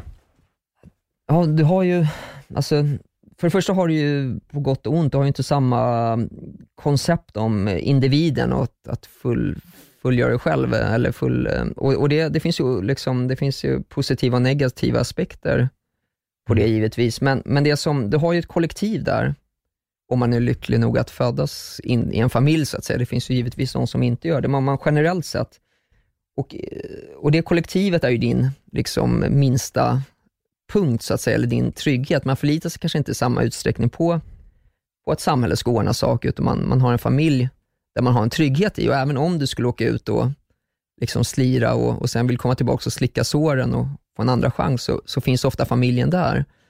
Uh, och ja, även ungdomskulturen, så att säga, de, där så kanske man strävar efter andra ideal än vad man gör här, så att säga. Och, och, och, och föräldrarna kanske också finns med längre liksom, i, i idealen på ett annat sätt. Att det föräldrarna vill, kanske man anpassar sig lite mer till, alltså den framtiden så att säga, än att man, eh, det här att man totalt bryter loss ifrån från föräldrarna. För föräldrar, som ni själv är föräldrar, de, de vet ju ofta ändå mer om livet än man själv gör när man är 15 eller 16 år så att säga eh, och kan guida en bättre om man, om man är öppen för det. Och det, det tycker jag mig uppleva att det finns, mm. en, en liksom att föräldrarna har längre med i bilden, vilket jag tror är bra. Eh, att det är, det är ett värde som man ska värdesätta helt enkelt. Jag började tänka lite på din egen ungdom nu när du mm. ändå tog upp det där. Mm. Eh, när du tittar tillbaka på, på hur det var då och kontra hur det är nu och var du har hamnat i slutändan. Mm. Hur, hur ser du på det? Ja, ja, just nu så är jag ju på ground zero. Jag har ju, äh, jag har ju äh, marken har ju ryckts undan fötterna på mig med covid-19, så jag har ju mm. förlorat liksom min, äh, mycket av min existens, så att säga. Men fram tills dess så, så måste jag säga, har jag haft väldigt kul och väldigt nöjd. Och, och just det här att du har varit, alltså att det här var sann mot dig själv, så att säga. Att du, att du inte lever någon annans liv. Uh, och det här blir ju mots, det här blir en motsägelse till det jag precis jag sa om familjevärdena, mm. uh, och det är jag medveten om. Men uh, nej, men jag är väldigt nöjd och det är ju valen, och, och, och, och, speciellt när du erkänner för dig själv att, att det är du som åstadkommer allt som händer i livet. Det är ingen annan. Det är inte, det är inte mamma och pappa som är dumma. Det är inte det, är inte, det, är inte, det, är inte det andra politiska partiet eller det är inte någon annans fel, utan allt är ju egentligen ditt eget fel, så att säga. Att du är ytterst ansvarig. Och när man väl kommer till den slutsatsen och accepterar det, då, då är du ju fri, så att säga. Mm. Och då accepterar man även de skener som går emot ens föreställningar, så att säga. Uh, och uh, så även om man, även att jag befinner mig på en plats, jag har ju förlorat i princip väldigt, väldigt mycket, delvis av covid-19 och delvis kring andra omständigheter med korruption i Thailand och så vidare.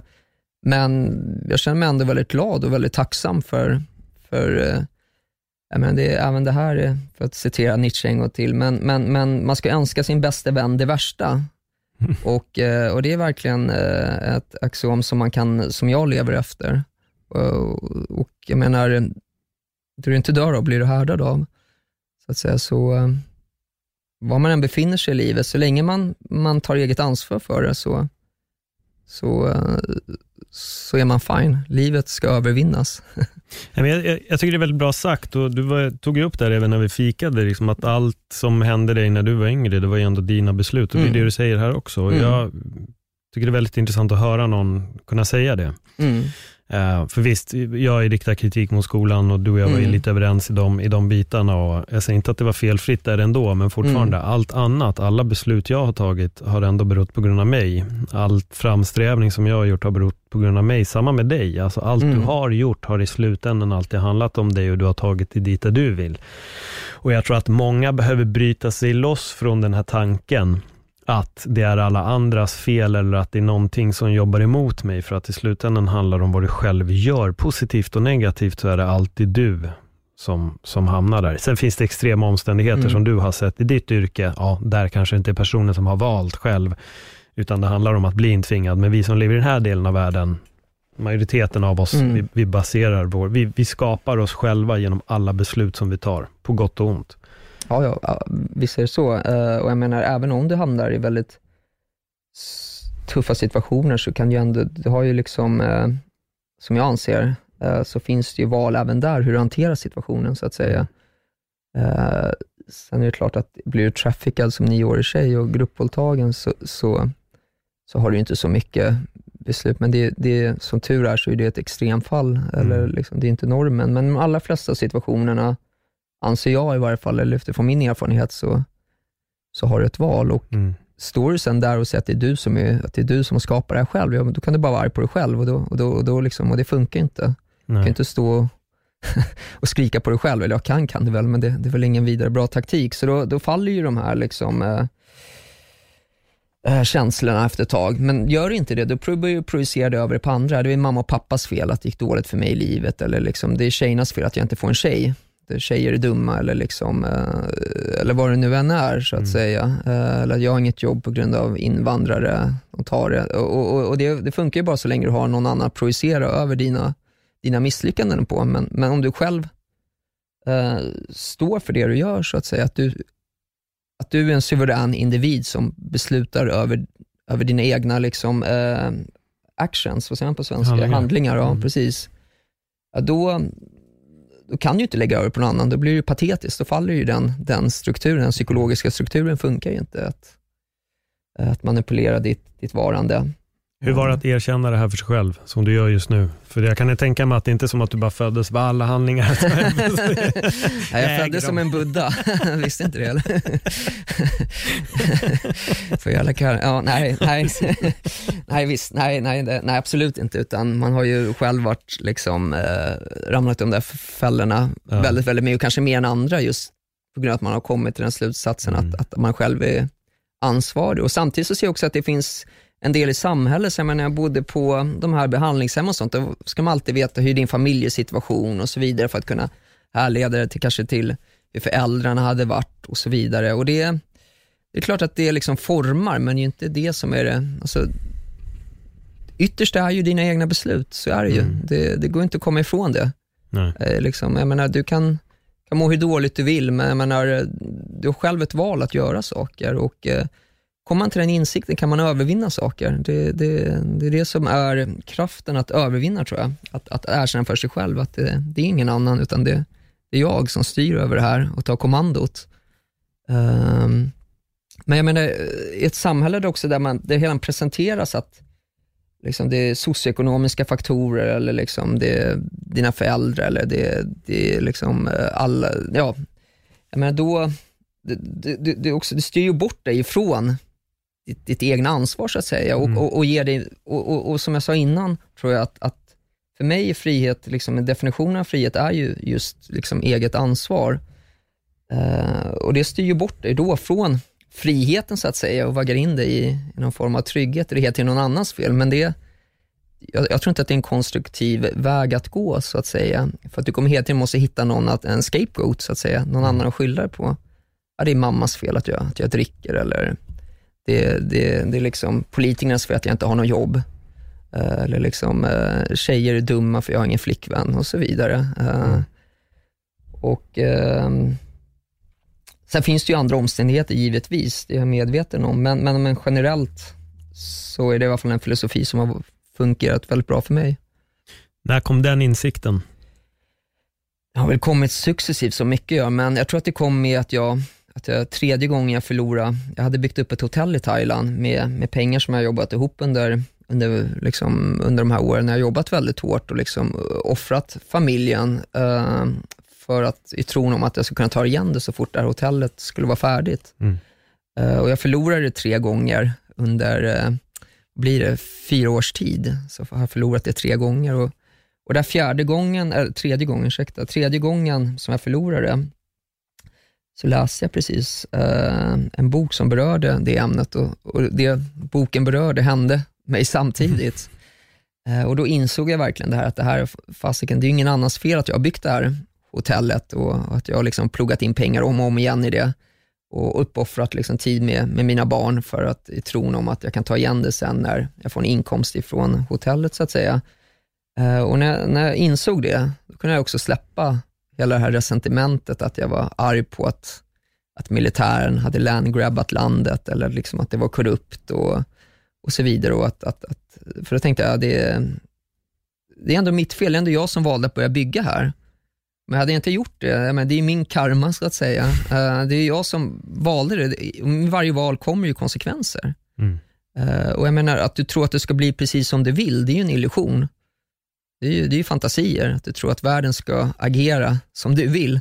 Det är ju små barn, Mm. det är ju infantilt så att säga. Det, det, man går in i en leksaksaffär med ett barn och de ser en leksak och börjar skrika för att, de inte, för att man inte får det då. Uh, så att säga. Och det, och det är samma sak kan man applicera på vuxenvärlden, men där är det ju mer subtilt genom att du investerar pengar i ett land och sen bygger du eh, ett hotell där uh, och sen kommer kanske militären och tar det. Och då blir du arg för att inte får behålla det. Men, men att du trodde att du skulle behålla det har ju alltid varit en fantasi så att säga. Det har ju aldrig varit verklighet för att du är där så att säga. Men det har ju fortfarande bara varit ett fantasifoster och när man förstår det så förstår man ju också att eh, så förstår man ju processen att komma fram dit tror jag. Och, och, då, och då går det inte att undvika sig själv i ekvationen om man inte, om, liksom, om man inte ljuger för sig själv. Eh, och när man väl kommit till det så finns ju ingen väg tillbaka så att säga. Mm. Då går det inte att skylla på någon annan. Och det som är ännu bättre då är ju också att du ser att även liksom det som man kan uppfatta som negativt kan faktiskt vändas till något positivt, att man lär sig någonting av det. Så menar, idag känner jag nästan tacksamhet att jag, med det jag har varit, gått igenom. Att det, det är någonting som, eh, som har berikat livet. Mm. Eh, Ja, det är långt gånget. Det är inte många som skulle sitta här och resonera på det sättet som du gör just nu. Ja, k- kanske att man har fått ett visst perspektiv genom Mm. fotograferandet, så att säga. Att man har sett hur man skulle kunna ha det. Mm. Sen har jag jobbat väldigt mycket med de här äh, landgrabbningsfrågorna just då. Och då kan man också få ett perspektiv där, där man ser, jag har liksom andra eh, tillgångar som Mm. gör att man inte, man inte hamnar på gatan och, och liksom dottern börjar prostituera sig eller något sånt, för det, det kan ju vara så också. Så jag menar, Mm.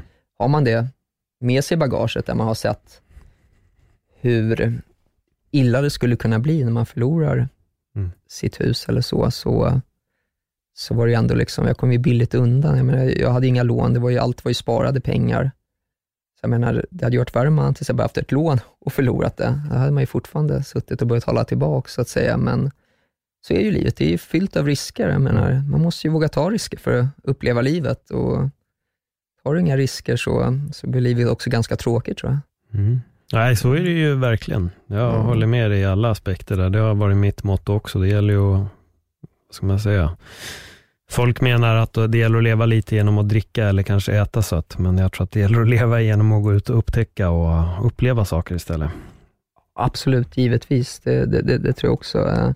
Jag menar, drickandet skulle man ju kunna säga att det är också att uppleva någonting, men, men det är också en väldigt liksom dekadent form, så att säga, av, av Mm. upplevelse, där, där du egentligen är ganska passiv, så att säga. Du är inte, det är inte du, du är ju sällan medveten då, utan det, är- det är något annat som tar kommandot och driver det. Eh, ehm, nej men visst, jag menar, livet kommer ju i när du befinner dig i de här lägren, i Tack för den här gången. Tack så mycket. Tack, Tack, tack, tack, Hej då. livet så att säga. Eh, och det är ju det är dit du vill ut. Du ska ju leva livet medan du lever. Jag menar, vi kommer ju alla förr eller senare att vaggas in i, i, liksom i döden, förr eller senare. Så jag menar, varför, varför inte leva livet medan du är här och, och, och, försöka skapa så mycket du kan, eller liksom driva på med din kraft. Uh,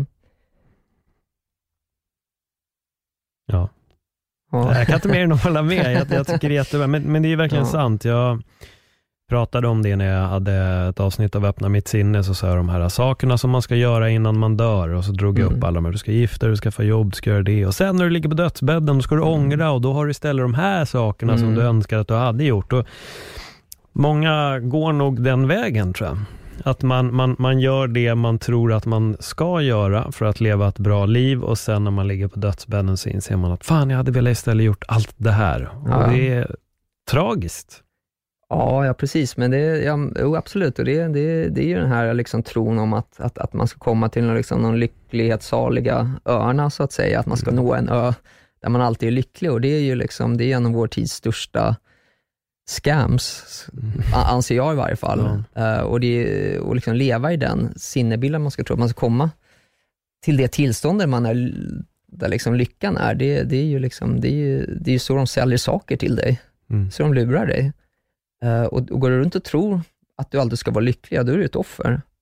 Och desto mer du strävar efter lycka, desto mer olycka kommer du också skapa. För jag menar, lycka kan bara finnas i parallellitet till olycka. Mm. Men det, de är beroende av andra, så att säga, för att komma in i verkligheten. Uh, du kan inte ha lycka utan dess motsats. Det är som natt och dag. Du kan inte ha natt och dag om det bara finns dag. Nej, yin och yang där. Ja, men precis. Så jag menar, uh, och, och Plus att du då, om det, du fokuserar ju på saker som du tror ska hända och medan du fokuserar på de här sakerna som du tror ska hända så, så spelas ju livet upp, så att säga. Mm. och du befinner dig på en helt annan plats än, än, än i nuet, eh, delvis också. Eh, och eh, nej, jag menar, man kan ju kolla på hur vissa lever sina liv och de går hem, man tittar på TV och ja, och, och, det är okej om, man, om man vill göra det. Och Sen går man och jobbar dagen efter och, så och väntar på att spara pengar. Men det, för min del så skulle inte det vara tillfredsställande, tror jag. Nej, jag känner lite att vi, är, vi har mm. lite lika värdegrunder här, du och jag. I mm. lite synsätt och vad, vad vi vill med vårt liv. Och jag, roligt, innan du kom så käkade jag lunch och då sprang jag på en, en gammal polare från gymnasiet Ja, och vi eh, springer på varandra titt som tätt här nere. Mm. Men då kom vi in på just det här med att dela med sig av den inre resan och det. För han kom in på min Insta, men jag gillar alltid att dela, jag lyssnar på din podd och mm. jag vet att han själv också är väldigt, väldigt inne i det där och då kom vi in på det här med att många har förväxlat framgång och lycka. Mm. Att man tror att framgång mm. är lycka. Och jag köper inte det alls, att framgång är lycka. Utan jag tror att lycka måste vi hitta på vägen för att också få framgången som vi vill ha. Eh, sen är jag lite emot alla som pratar om det här med att det ska bara vara good vibes hela tiden. Mm, allt ska mm, vara good mm. vibes, allt ska vara good vibes, ingen mm. negativ vibes. Jag sa, mm. Fast vi behöver, jag har sagt i en podd också, vi behöver shit vibes med. Mm. Det måste finnas motgångar. Allt kan inte vara framgångar. Jag tror det är väldigt farligt att måla upp den här perfekta bilden av vad vi vill ha, den här lilla illusionen av vad det är vi drömmer om. Utan jag tror att man kan ha en liten bild, men det kommer att dyka upp en jävla massa annat på vägen också, men vi behöver lite skit som också dyker upp där på för att vi ska kunna utvecklas.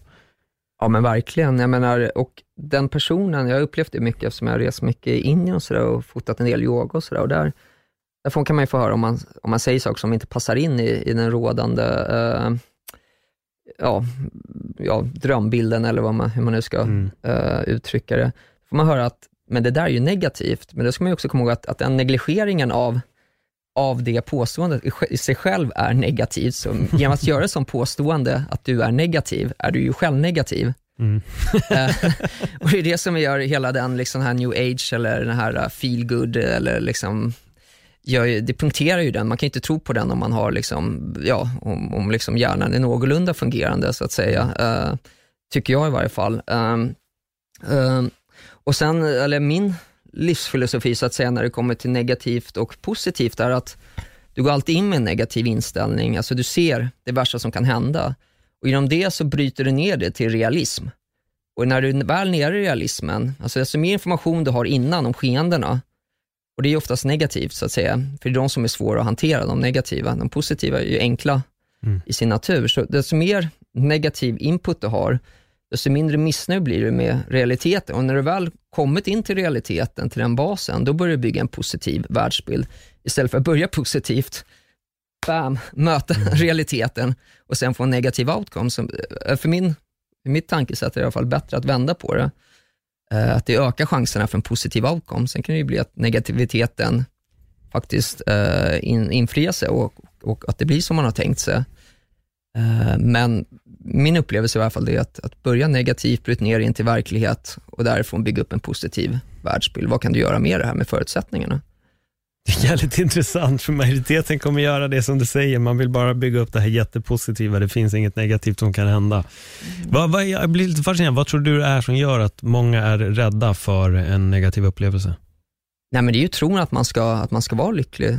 Alltså att det är Hollywood, liksom, mm. att, att, att, du ska vara lycklig eh, och du ska och delvis också att det är ett väldigt, eh, om, man, om, man nu, om man talar generellt om Sverige då, eller eh, mer på ett globalt perspektiv, eh, så är det ju den här, eh, det är ju tron om att vi ska nå något utopiskt tillstånd där vi alltid är lyckliga och liksom ens partner ska vara precis som man föreställer sig. Men det, men det, det är ju så, eh, liksom så oerhört infantilt att tro att en partner ska vara som ens fantasibild ska vara. Jag menar, så länge man håller, har de här fantasierna och när dem, så kommer man ju aldrig bli tillfredsställd, för du accepterar ju inte verkligheten som den är. Mm. Du vill ju att verkligheten ska bli som du vill att den ska vara, men det, så är det ju inte. Och det, det är det jag försöker lära mina barn, så att säga. Och desto snabbare de fattar det, desto, desto snabbare växer de ju upp. Så att säga. Och jag menar, det kanske kan låta hårt och sådär, men, men utifrån vad jag har sett så kan verkligheten också vara väldigt hård. Och, och därför man måste kunna acceptera det som verkligen sker. Uh, och jag menar, går du, nej men precis, det är ju bara att kolla, det är folk skiljer sig ju mm. väldigt mycket här uh, och kanske inte är beredda att kämpa och så vidare. Och, och, jag menar, det är klart att det är bra att man kan skilja sig, det är inte det jag säger, men däremot så, så kanske det finns underliggande orsaker, att man skiljer sig så lätt och så vidare. Och, och, och det kanske man går in i en positiv föreställning om hur ett förhållande ska vara så visar det sig att realiteten är någonting annat. Att liksom där man älskar kanske också liksom har dåliga dagar eller åldras eller kanske inte alltid tycker likadant den politiska uppfattningen eller vad det kan vara. Eller liksom, du gillar gult och hen gillar grönt. Uh, och, det, och, det, jag menar, och, och, tror man att, att man ska nå den här, liksom, uh, det här uh, tillståndet där där man liksom upplever Hollywood-slutet så, så tror jag att man misstar sig. Mm. Och, och, då, och när, man väl, när väl det kommer till det medvetna, ja, då, då, då, då flyr man hellre undan det än att ta tag i problemen, tror jag, för att kunna nära den här infantila drömmen. Att säga. Eh, och allt som då kommer att påminna dig om det, säger du att kom inte här med någonting negativt. Vi försöker bygga en positiv värld här. Eh, Ja, ja precis. Och, och det, det, ja, jag kanske är väldigt cynisk. det kan ju vara så också. det är en möjlighet.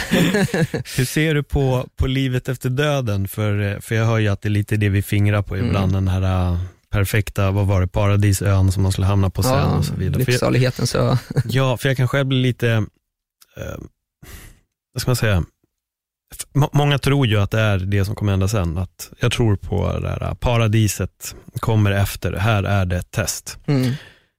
Jag kan tycka att det är lite skrämmande att ha den tron om att mm. det här är ett test och sen kommer paradiset. För då betyder det att hela din existens som är här, som du mm. vet finns, mm. det är ju då bara en kö.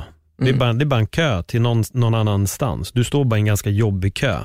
Men mm. du tror att när du är klar här, då är allt bara helt perfekt. Jag måste bara säga innan du ska få svara mm. på det, så kan jag känna själv att jag vill, jag vill nog inte leva i all evighet själv. För jag kan tycka att det här livet som är här är ganska komplext. Och jag kan känna att det är nog ganska skönt ändå att det finns ett slut på det. Men att så här, sen kommer jag leva i all oändlighet. Så här, oh, fuck alltså. Jag tror, nej, det vet jag inte om jag är så jävla peppad på alltså, om jag ska vara sådär. jag vet inte hur du känner och hur du tänker. Först och främst så tror inte jag på döden, utan det är ett koncept som vi människor har skapat. Döden. Mm. En hund går inte, alltså, att, att former försvinner, det, det, det är ju uppenbart. Och det, att, att, det är ju formen som är illusionen så att säga. Uh, så jag, i den yttersta analysen, alltså, om jag djupdyker så tror jag inte på döden, utan det är ett koncept som vi människor har skapat. Uh, och jag menar om du kollar på energier, hur det funkar, så energier förgörs inte, utan de är antagligen on, on eller off, 0, 1, 0, 1 och så vidare. Så med det sagt, uh, så tror jag att den här eh, formen som jag sitter i nu givetvis kommer försvinna. Ehm, och, och det här det medvetandet som det eh, hyserar kommer försvinna, men jag menar, eh, eh, livet är konstant så att säga. Det upphör aldrig, eh, utan det är cykliskt, tror jag. Eh, jag menar, ett träd reser sig upp, sen släpper det ju en bit av sig själv, ett, ett, eh, en frukt med ett frö i, mm. eller en kärna då. och där i den kärnan finns det ju liv som kommer direkt ifrån det ursprungliga livet. Och Sen ramlar det ner i marken och där växer livet upp för att återupprätta processen. Men livet är ju aldrig eh, avbrutet, det är ju formen som är avbruten. Så det, det första trädet raseras ju, för att sen kommer upp ett nytt träd. Men det livet är ju konstant så att säga. Mm. I, för livet passas ju på i den här lilla kärnan så att säga. Så det är ju mer som, om man tänker sig så ser jag det mer som en våg, eller en vibration alltså det, det skeendena. Och leva för alltid i ett medvetande hade ju varit tortyr. Mm. Jag menar, det, det vi talade om innan, lidande är ju det som, liksom, i varje fall för min del, definierar en stor del av, av mitt liv. Det är det som gör att jag kan njuta. Jag menar att, att aldrig dö, det hade varit fruktansvärt att befinna sig i ett sånt tillstånd. Jag menar, eh, de som säger att de vill leva för alltid kanske inte har tänkt igenom konsekvenserna av att vara fångad Nej, ett medvetande. Med, ja. Precis, jag menar, eh, och, och, och, sen på vilka villkor kommer alla andra att dö bort från dig och bara du är kvar? Jag menar, precis, och tänk alla misstag du kommer börja se som människor gör efter ett par tusen år, liksom, och ingen kommer förstå dig. Ja, nej men. Upplysningen ja. som är level 10 000. Ja men precis, exakt. sådär. Gör inte så här, gör så där. Liksom. Ja. Och, och folk tycker bara att du är konstig och galen, så att säga. Uh, nej men, så att, att, formen förgörs är nog ingen, ingen mm. negativ eh, sak tror jag, utan det, mm. det är nog nödvändigt. Ja, jag, jag, kan inte annat än att hålla med. Jag känner att jag har hållit med ganska mycket här. Men jag gillar det. Det är det här jag gillar. Djupa, djupa existentiella filosofiska frågor som man kan, eh, kan sitta och bolla. Och det, det är inte alla som är på... Det är det här som är egentligen definitionen av den inre och den spirituella resan. Mm, mm. Att verkligen börja fundera på det här sättet, börja ifrågasätta ur det här perspektivet, men hela tiden med grunden i en själv. Ja, ja. Och det egna ansvaret. Jag tycker det är snyggt att du tar upp det, för du, som du har varit inne på, din, din barndom var ju inte en räkmacka. Liksom. Det var inte en söndagspromenad i en solig park, utan det har hänt väldigt mycket mm, på vägen. Mm. Men det har format dig till den du ja, är idag. Och även om det är mörkt då, mm. så finns det alltid det medvetna beslutet att till slut kunna ta sig därifrån och förändra allting. Sen finns det ju de som inte gör det, men du är bevis på att det, det går. Ja, men absolut, man, man, man, skulle, man ska vara oerhört tacksam för det, det man har fått.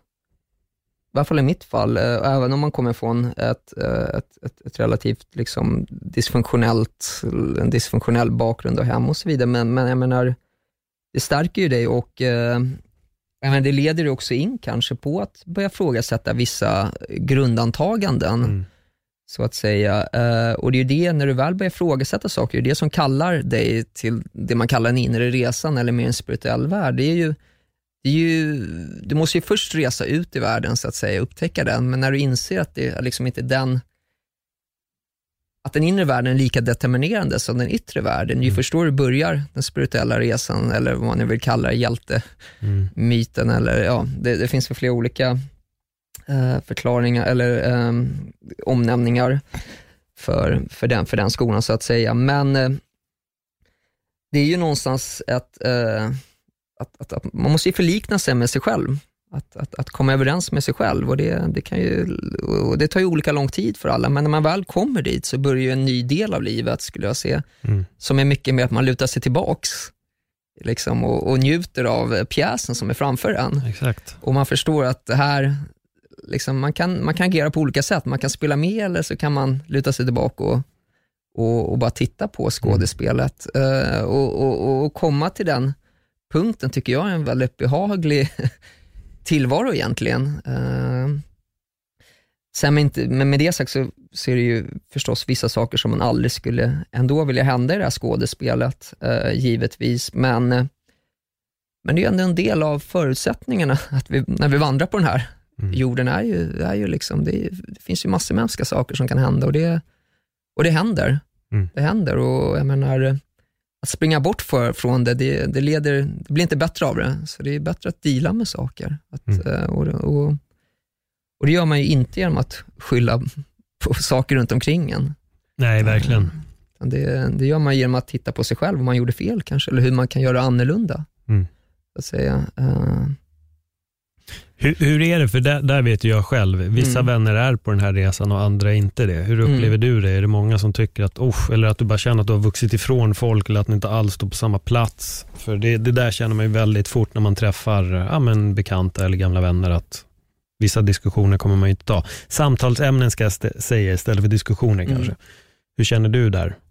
Nej men visst, det, det är ju precis när man börjar med den här, eller liksom man börjar med in, introspekt, så att mm. man tittar inåt. Uh, den esoteriska resan, uh, eller vad man nu vill kalla det, så tappar man ju många människor. Man kanske inte är, är liksom munnen för deras öron, så att säga. uh, men eh, samtidigt så vinner du ju också väldigt mycket och du ser ju, alltså det är ju också, det är, de, när du, det är ju motsättningar du får som ger dig mest så att säga. Folk som bara sitter och håller med dig är ju också det är ju inte utvecklande. Nej. Det blir en, som man kallar det, echo chamber. Uh, men uh, sen är ju jag, har jag haft liksom de, den förutsättningen, eller så att säga att jag har rest väldigt mycket. Och, och genom det så träffar du ju väldigt mycket olika människor. Uh, och, du träff, och, då, och jag menar, är du på ett speciellt sätt så tror jag ändå att du signalerar det och då, och då träffar du dessa människor, eller människor som är på liknande eh, ja, mentala resor, eller man ska säga, eller mm. samma, samma drivkrafter. Eh, och sen så kan man, kan man också komma ihåg att liksom varenda person man träffar, har ju, liksom, är man bara lite nyfiken på den, så har ju alla liksom en inre värld och det gäller ju på något sätt att kunna få ut ur den personen. Så om man, om man intresserar sig för människor så kan man hitta många skatter. Mm. Ibland så är de som liksom är minst, eh, som är mest blyga och så, eller mest inbundna kan vara kan finnas ett helt universum där inne. Kanske därför de är ja, väldigt introverta, för att det finns så mycket på insidan. Så, så det handlar ju också om att ge det tid och chanser, att inte döma människor som ser annorlunda ut eller beter sig annorlunda, utan tvärtom, kanske intressera sig. Mm. Och då, och då kan, man, kan man finna en hel del skatter i djupen. Uh, men sen upplever jag också att desto äldre man blir, desto mer börjar ju uh, gamla vänner att intressera sig för, eh, ja, men för mer inre värden och, och liksom kanske mindre utav eh, de här uppenbara tillfredsställelserna som man får i, i, den, i det fysiska rummet så att säga och kanske mer ja, men börja, börja skåda inåt så att säga. Det är svårt att prata om sånt här utan att använda massor med plattityder. Man låter som, en, som en hiphopartist nästan. Eh, men, nej, men precis, så det, ja, Ja, men det, det, det är speciellt. Ja, det, det, är verkligen väldigt, väldigt speciellt. Och Det är det jag älskar med den här podden också. Det är att mm. de här mötena, att träffa människor och höra deras historier. Du, du uppmärksammade det väldigt bra, för du och jag brukar skriva till varandra på LinkedIn. Då. Mm. Eh, men du uppmärksammade det väldigt bra. Fan, jag älskar verkligen din podd för att du här kommer människor in och får berätta om sin, om sin resa och sina upplevelser. Och det, det är det det handlar om. Jag tror att alla har alltid, det finns alltid, alla har en historia alla har råkat ut för någonting och det mm. finns någonting som alla kan dela med sig utav och det är viktigt att, den, att de rösterna får komma fram. Eh, och Det är verkligen det jag gillar och sen gillar jag verkligen mötet att sätta sig och, och prata och det har varit väldigt kul med dig för att just kommer från samma område, mm. kommer från, gått samma skola. Vi mm. är liksom gamla bekanta, men vi får backa bandet till innan vi ens hade fyllt tvåsiffrigt. Ja, ja precis. Ja. det är jätteroligt. Och nu sitter vi här lite 30 plus år senare och så här, ja det här är min historia, det här är min resa, det här är det jag har gjort. Det är ju magiskt. Så det, vi, vi, vi har ju verkligen så gått helt olika vägar, men ändå gått på samma mark på något konstigt sätt det som är så fint med livet, är inte det? Just att det här, det blir inte som du har planerat. Nej. Och det är därför vi sitter här, så att säga. Jag menar, tänk det var tråkigt om allting hade, hade blivit som du vill. Mm. Det är ju det, det är just att det inte blir som du vill som ger det spänning och, och gör det värt att leva. Så att säga. Mm. Den, den där lilla liksom, spänningsmomentet som finns med är ju det som, i varje fall för mig, som manifesterar liksom hela livsglädjen, libidot så att säga. Att, Mm. att det finns en... Och det, och det är det som är så fint med livet, att verkligen att, att du kan ju inte förutse det. Nej, Och därför sitter vi ju här. exakt. Även fast vi ibland önskar att vi kunde veta. Jag vet att jag har gjort det några gånger. Fan, jag pallar inte vänta i en månad för att få besked om det här. Jag skulle vilja se hur mitt liv ser ut om ett år. Och det har aldrig sett ut som jag har trott att skulle. Nej, nej, nej precis. Ofta så, så i efterhand så kan man också förstå skenan på ett annat sätt, så att säga. Verkligen. Varför, varför det, liksom, ja, det tog slut med den, eller Ja. liksom, man förlorade det, eller vann det och sådär. Det, det leder ju ändå vart. Och, Mm. Men så länge man engagerar sig i, i det som händer och inte liksom, trycker undan det eller, eller skyller ifrån sig, då, eh, så, så, liksom, så det bidrar ju till hela liksom, smakupplevelsen kring, kring det vi kallar livet eh, och gör det, gör det till en ganska kul och trevlig plats Mm. om man vill. Eh, där, där det finns liksom många olika aspekter på det. Ja. Där ibland mår man bra, ibland mår man dåligt, men, men du kan inte vara utan det ena om du vill ha det andra, så att säga. De, de, de står i parallellitet till varandra. Jag menar, allt, allt som kommer in i vårt medvetande bygger på att det finns ett motsatsförhållande. Mm. Jag menar, eh, lycka definieras av olycka och olycka utav lycka då. Eh, och, det, det, och där mellan uppstår ju spänningen och livet. Eh, och jag menar, försöker man springa bort från det, ja, då, då, då springer man ju bort från livet och det leder ju till depression och, och, och att kanske att man, ja, icke tillfredsställelse så att säga, att man, att man medan det finns, det finns ju hur mycket tillfredsställelse som helst runt omkring en om man bara väljer att eh, ta del av det, så att säga, engagera sig Mm. i, i saker och ting. Jag ställde en fråga till dig när vi Mm. var ute och fikade. Mm. Och, eh, du började tänka ganska mycket, så jag undrar om du har tänkt, tänkt vidare på den. Det, är, det var det här med, hur tror du att ditt liv hade sett ut om du inte åkte till Thailand och om du inte upptäckte fotot?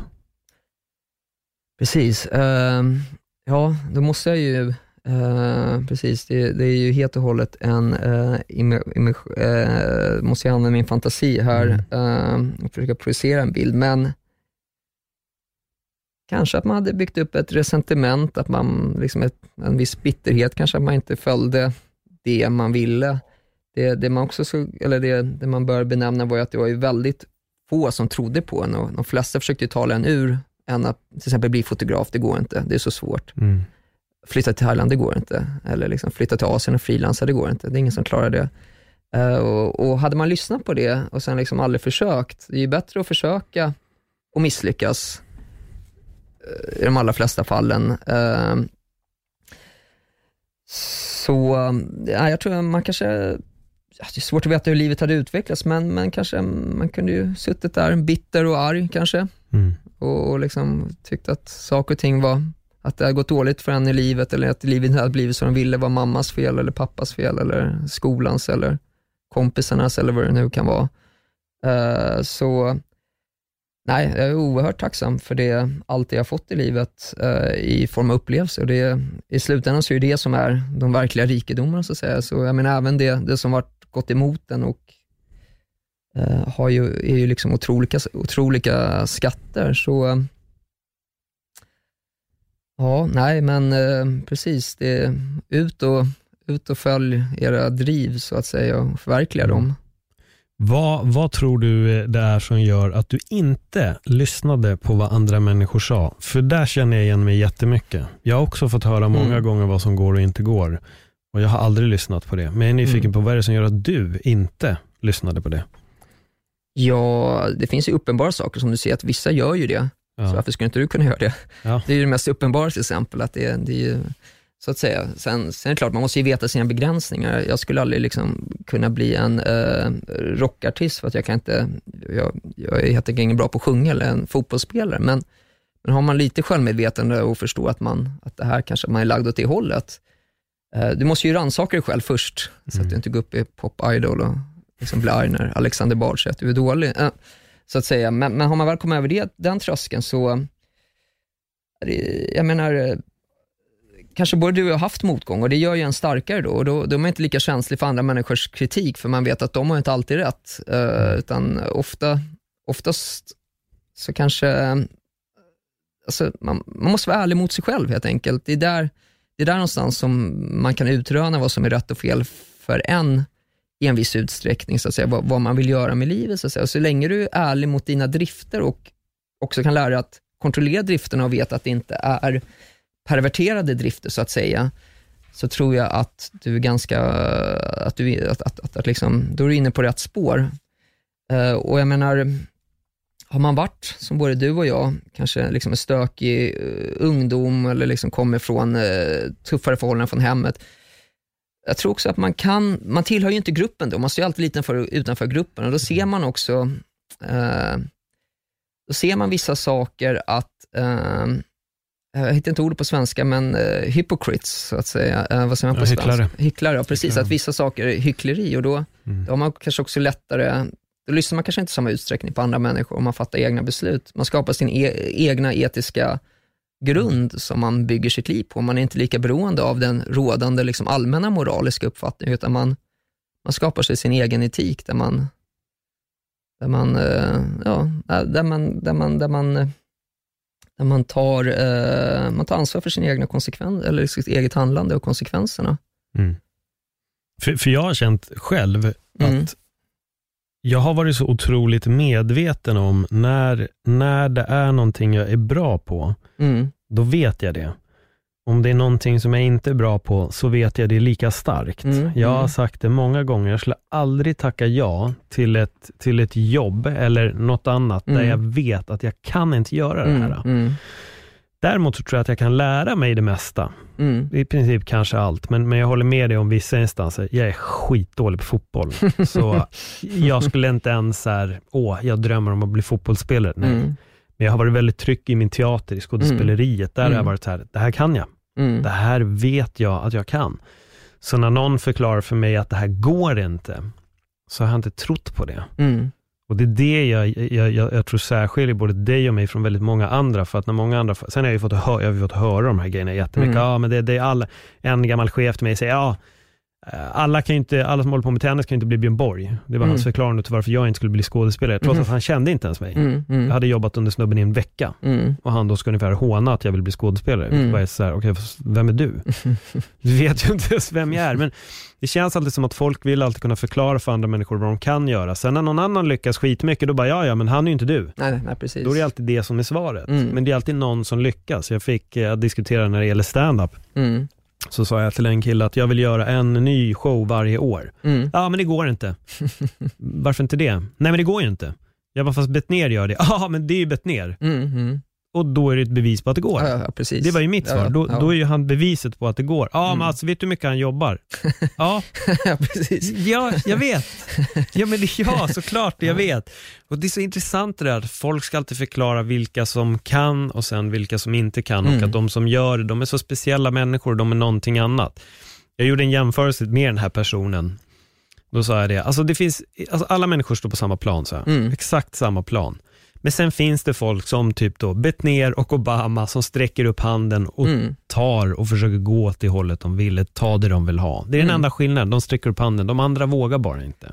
Ja, de lyssnar ju inte på de här olyckskorparna som säger att det Nej. inte går förmodligen. Det är det som skiljer dem. Så att säga. Ja. Och, och, jag menar, de som kommer med sådana här påståenden, det, det handlar ju mer om de själva, deras egen upplevelse, vad som är möjligt och inte möjligt. Och då, då vill de projicera ut på den övriga världen så att ingen kan liksom, uh, go higher than them, vad säger på svenska, så stiga ja. högre än än dem själva, för det skulle ju mm. kanske vara jobbigt. Uh, så jag menar, man ska ju lyssna på de människorna som kommer med, med liksom konstruktiva råd då, i en sån, att välja att fokusera på det snarare än de som kanske vill liksom dra ner den eller vad det kan vara. För jag menar, men det krävs ju också att man, som du nämnde innan, att man har väldigt mycket självinsikt och förstår vad man kan göra och inte göra. Tror man man är bäst på allt, ja, då, då, då kommer man förmodligen inte vara bra på något, så Nej. att säga. Eh, men har man en del självinsikt, så att säga, och förståelse, och förstår att man kanske inte är Guds gåva till mänsklighet, utan man är i bästa fall lika bra som alla andra eh, och är kanske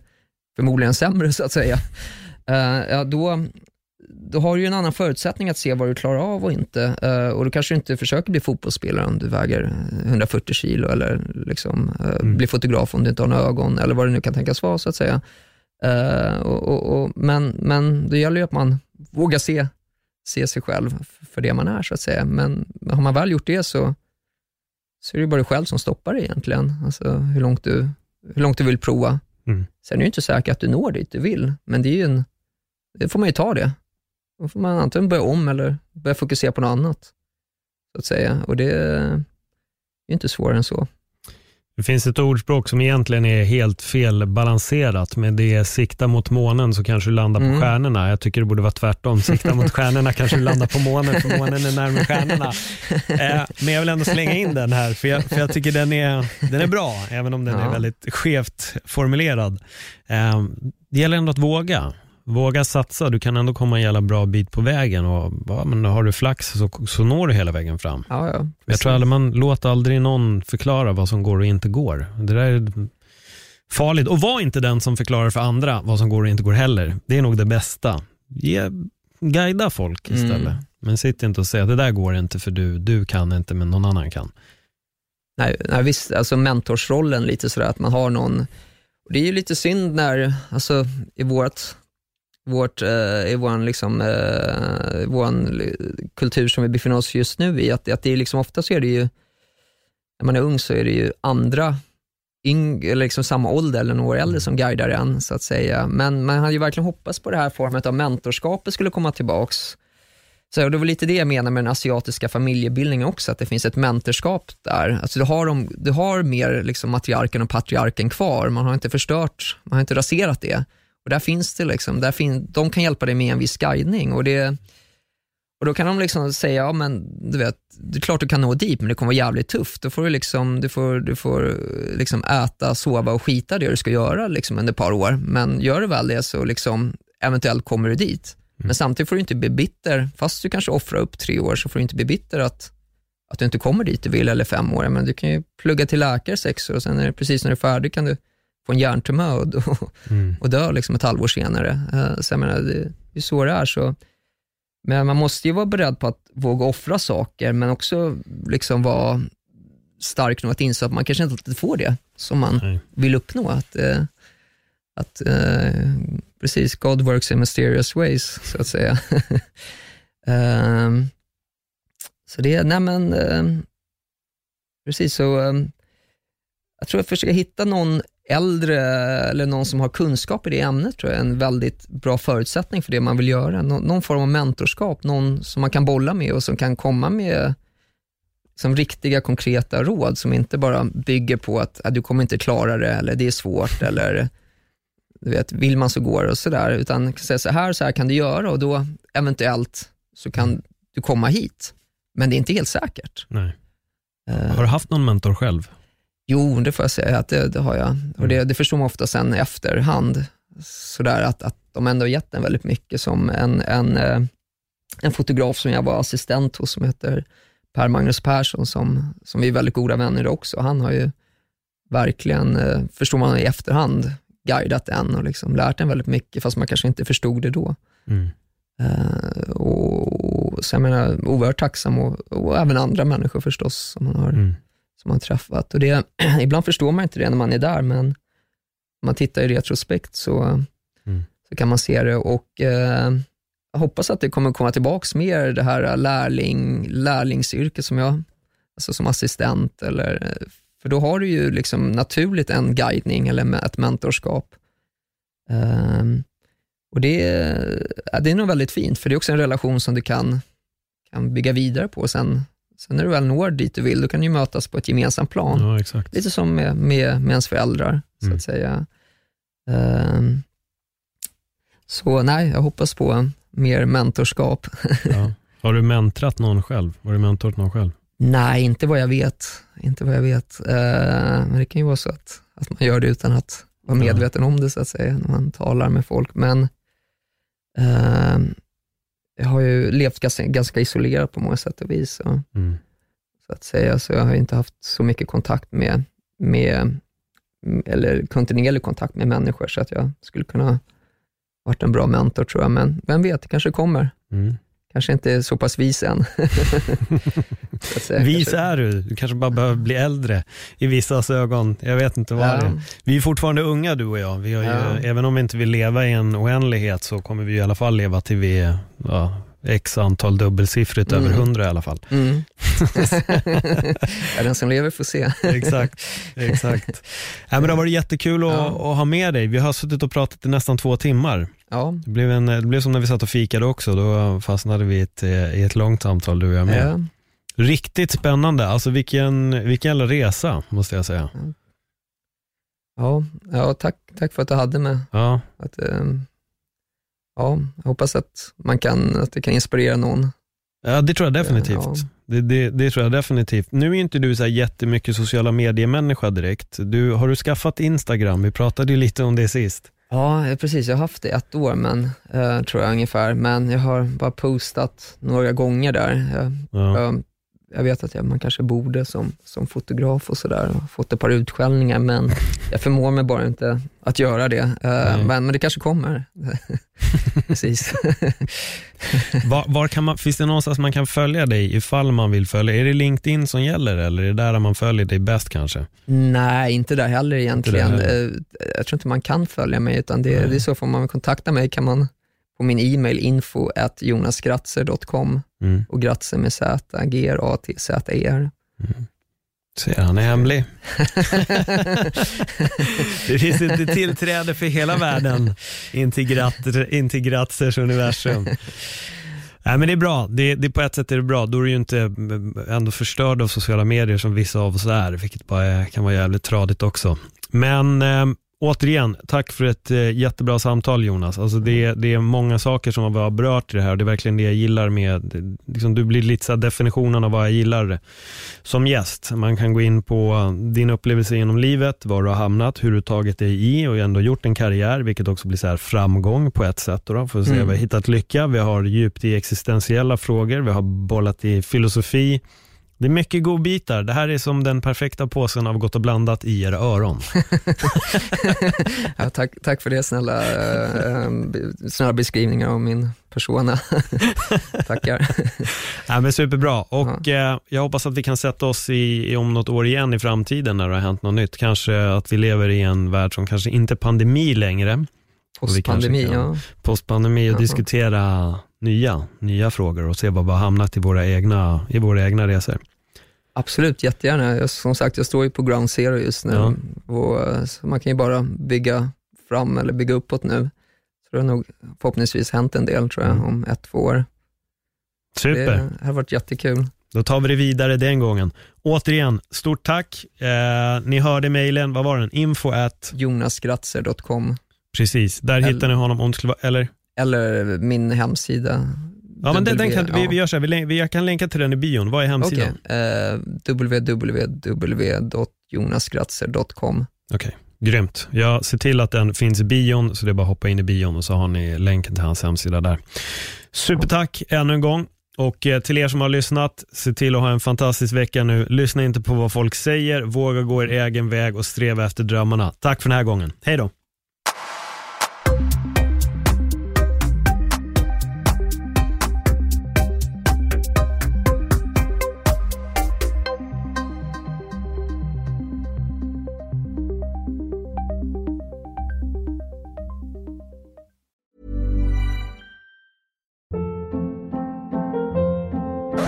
Hold up. What was that? Boring. No flavor. That was as bad as those leftovers you ate all week. Kiki Palmer here, and it's time to say hello to something fresh and guilt-free. Hello Fresh. Jazz up dinner with pecan-crusted chicken or garlic butter shrimp scampi. Now that's music to my mouth. Hello Fresh. Let's get this dinner party started. Discover all the delicious possibilities at hellofresh.com.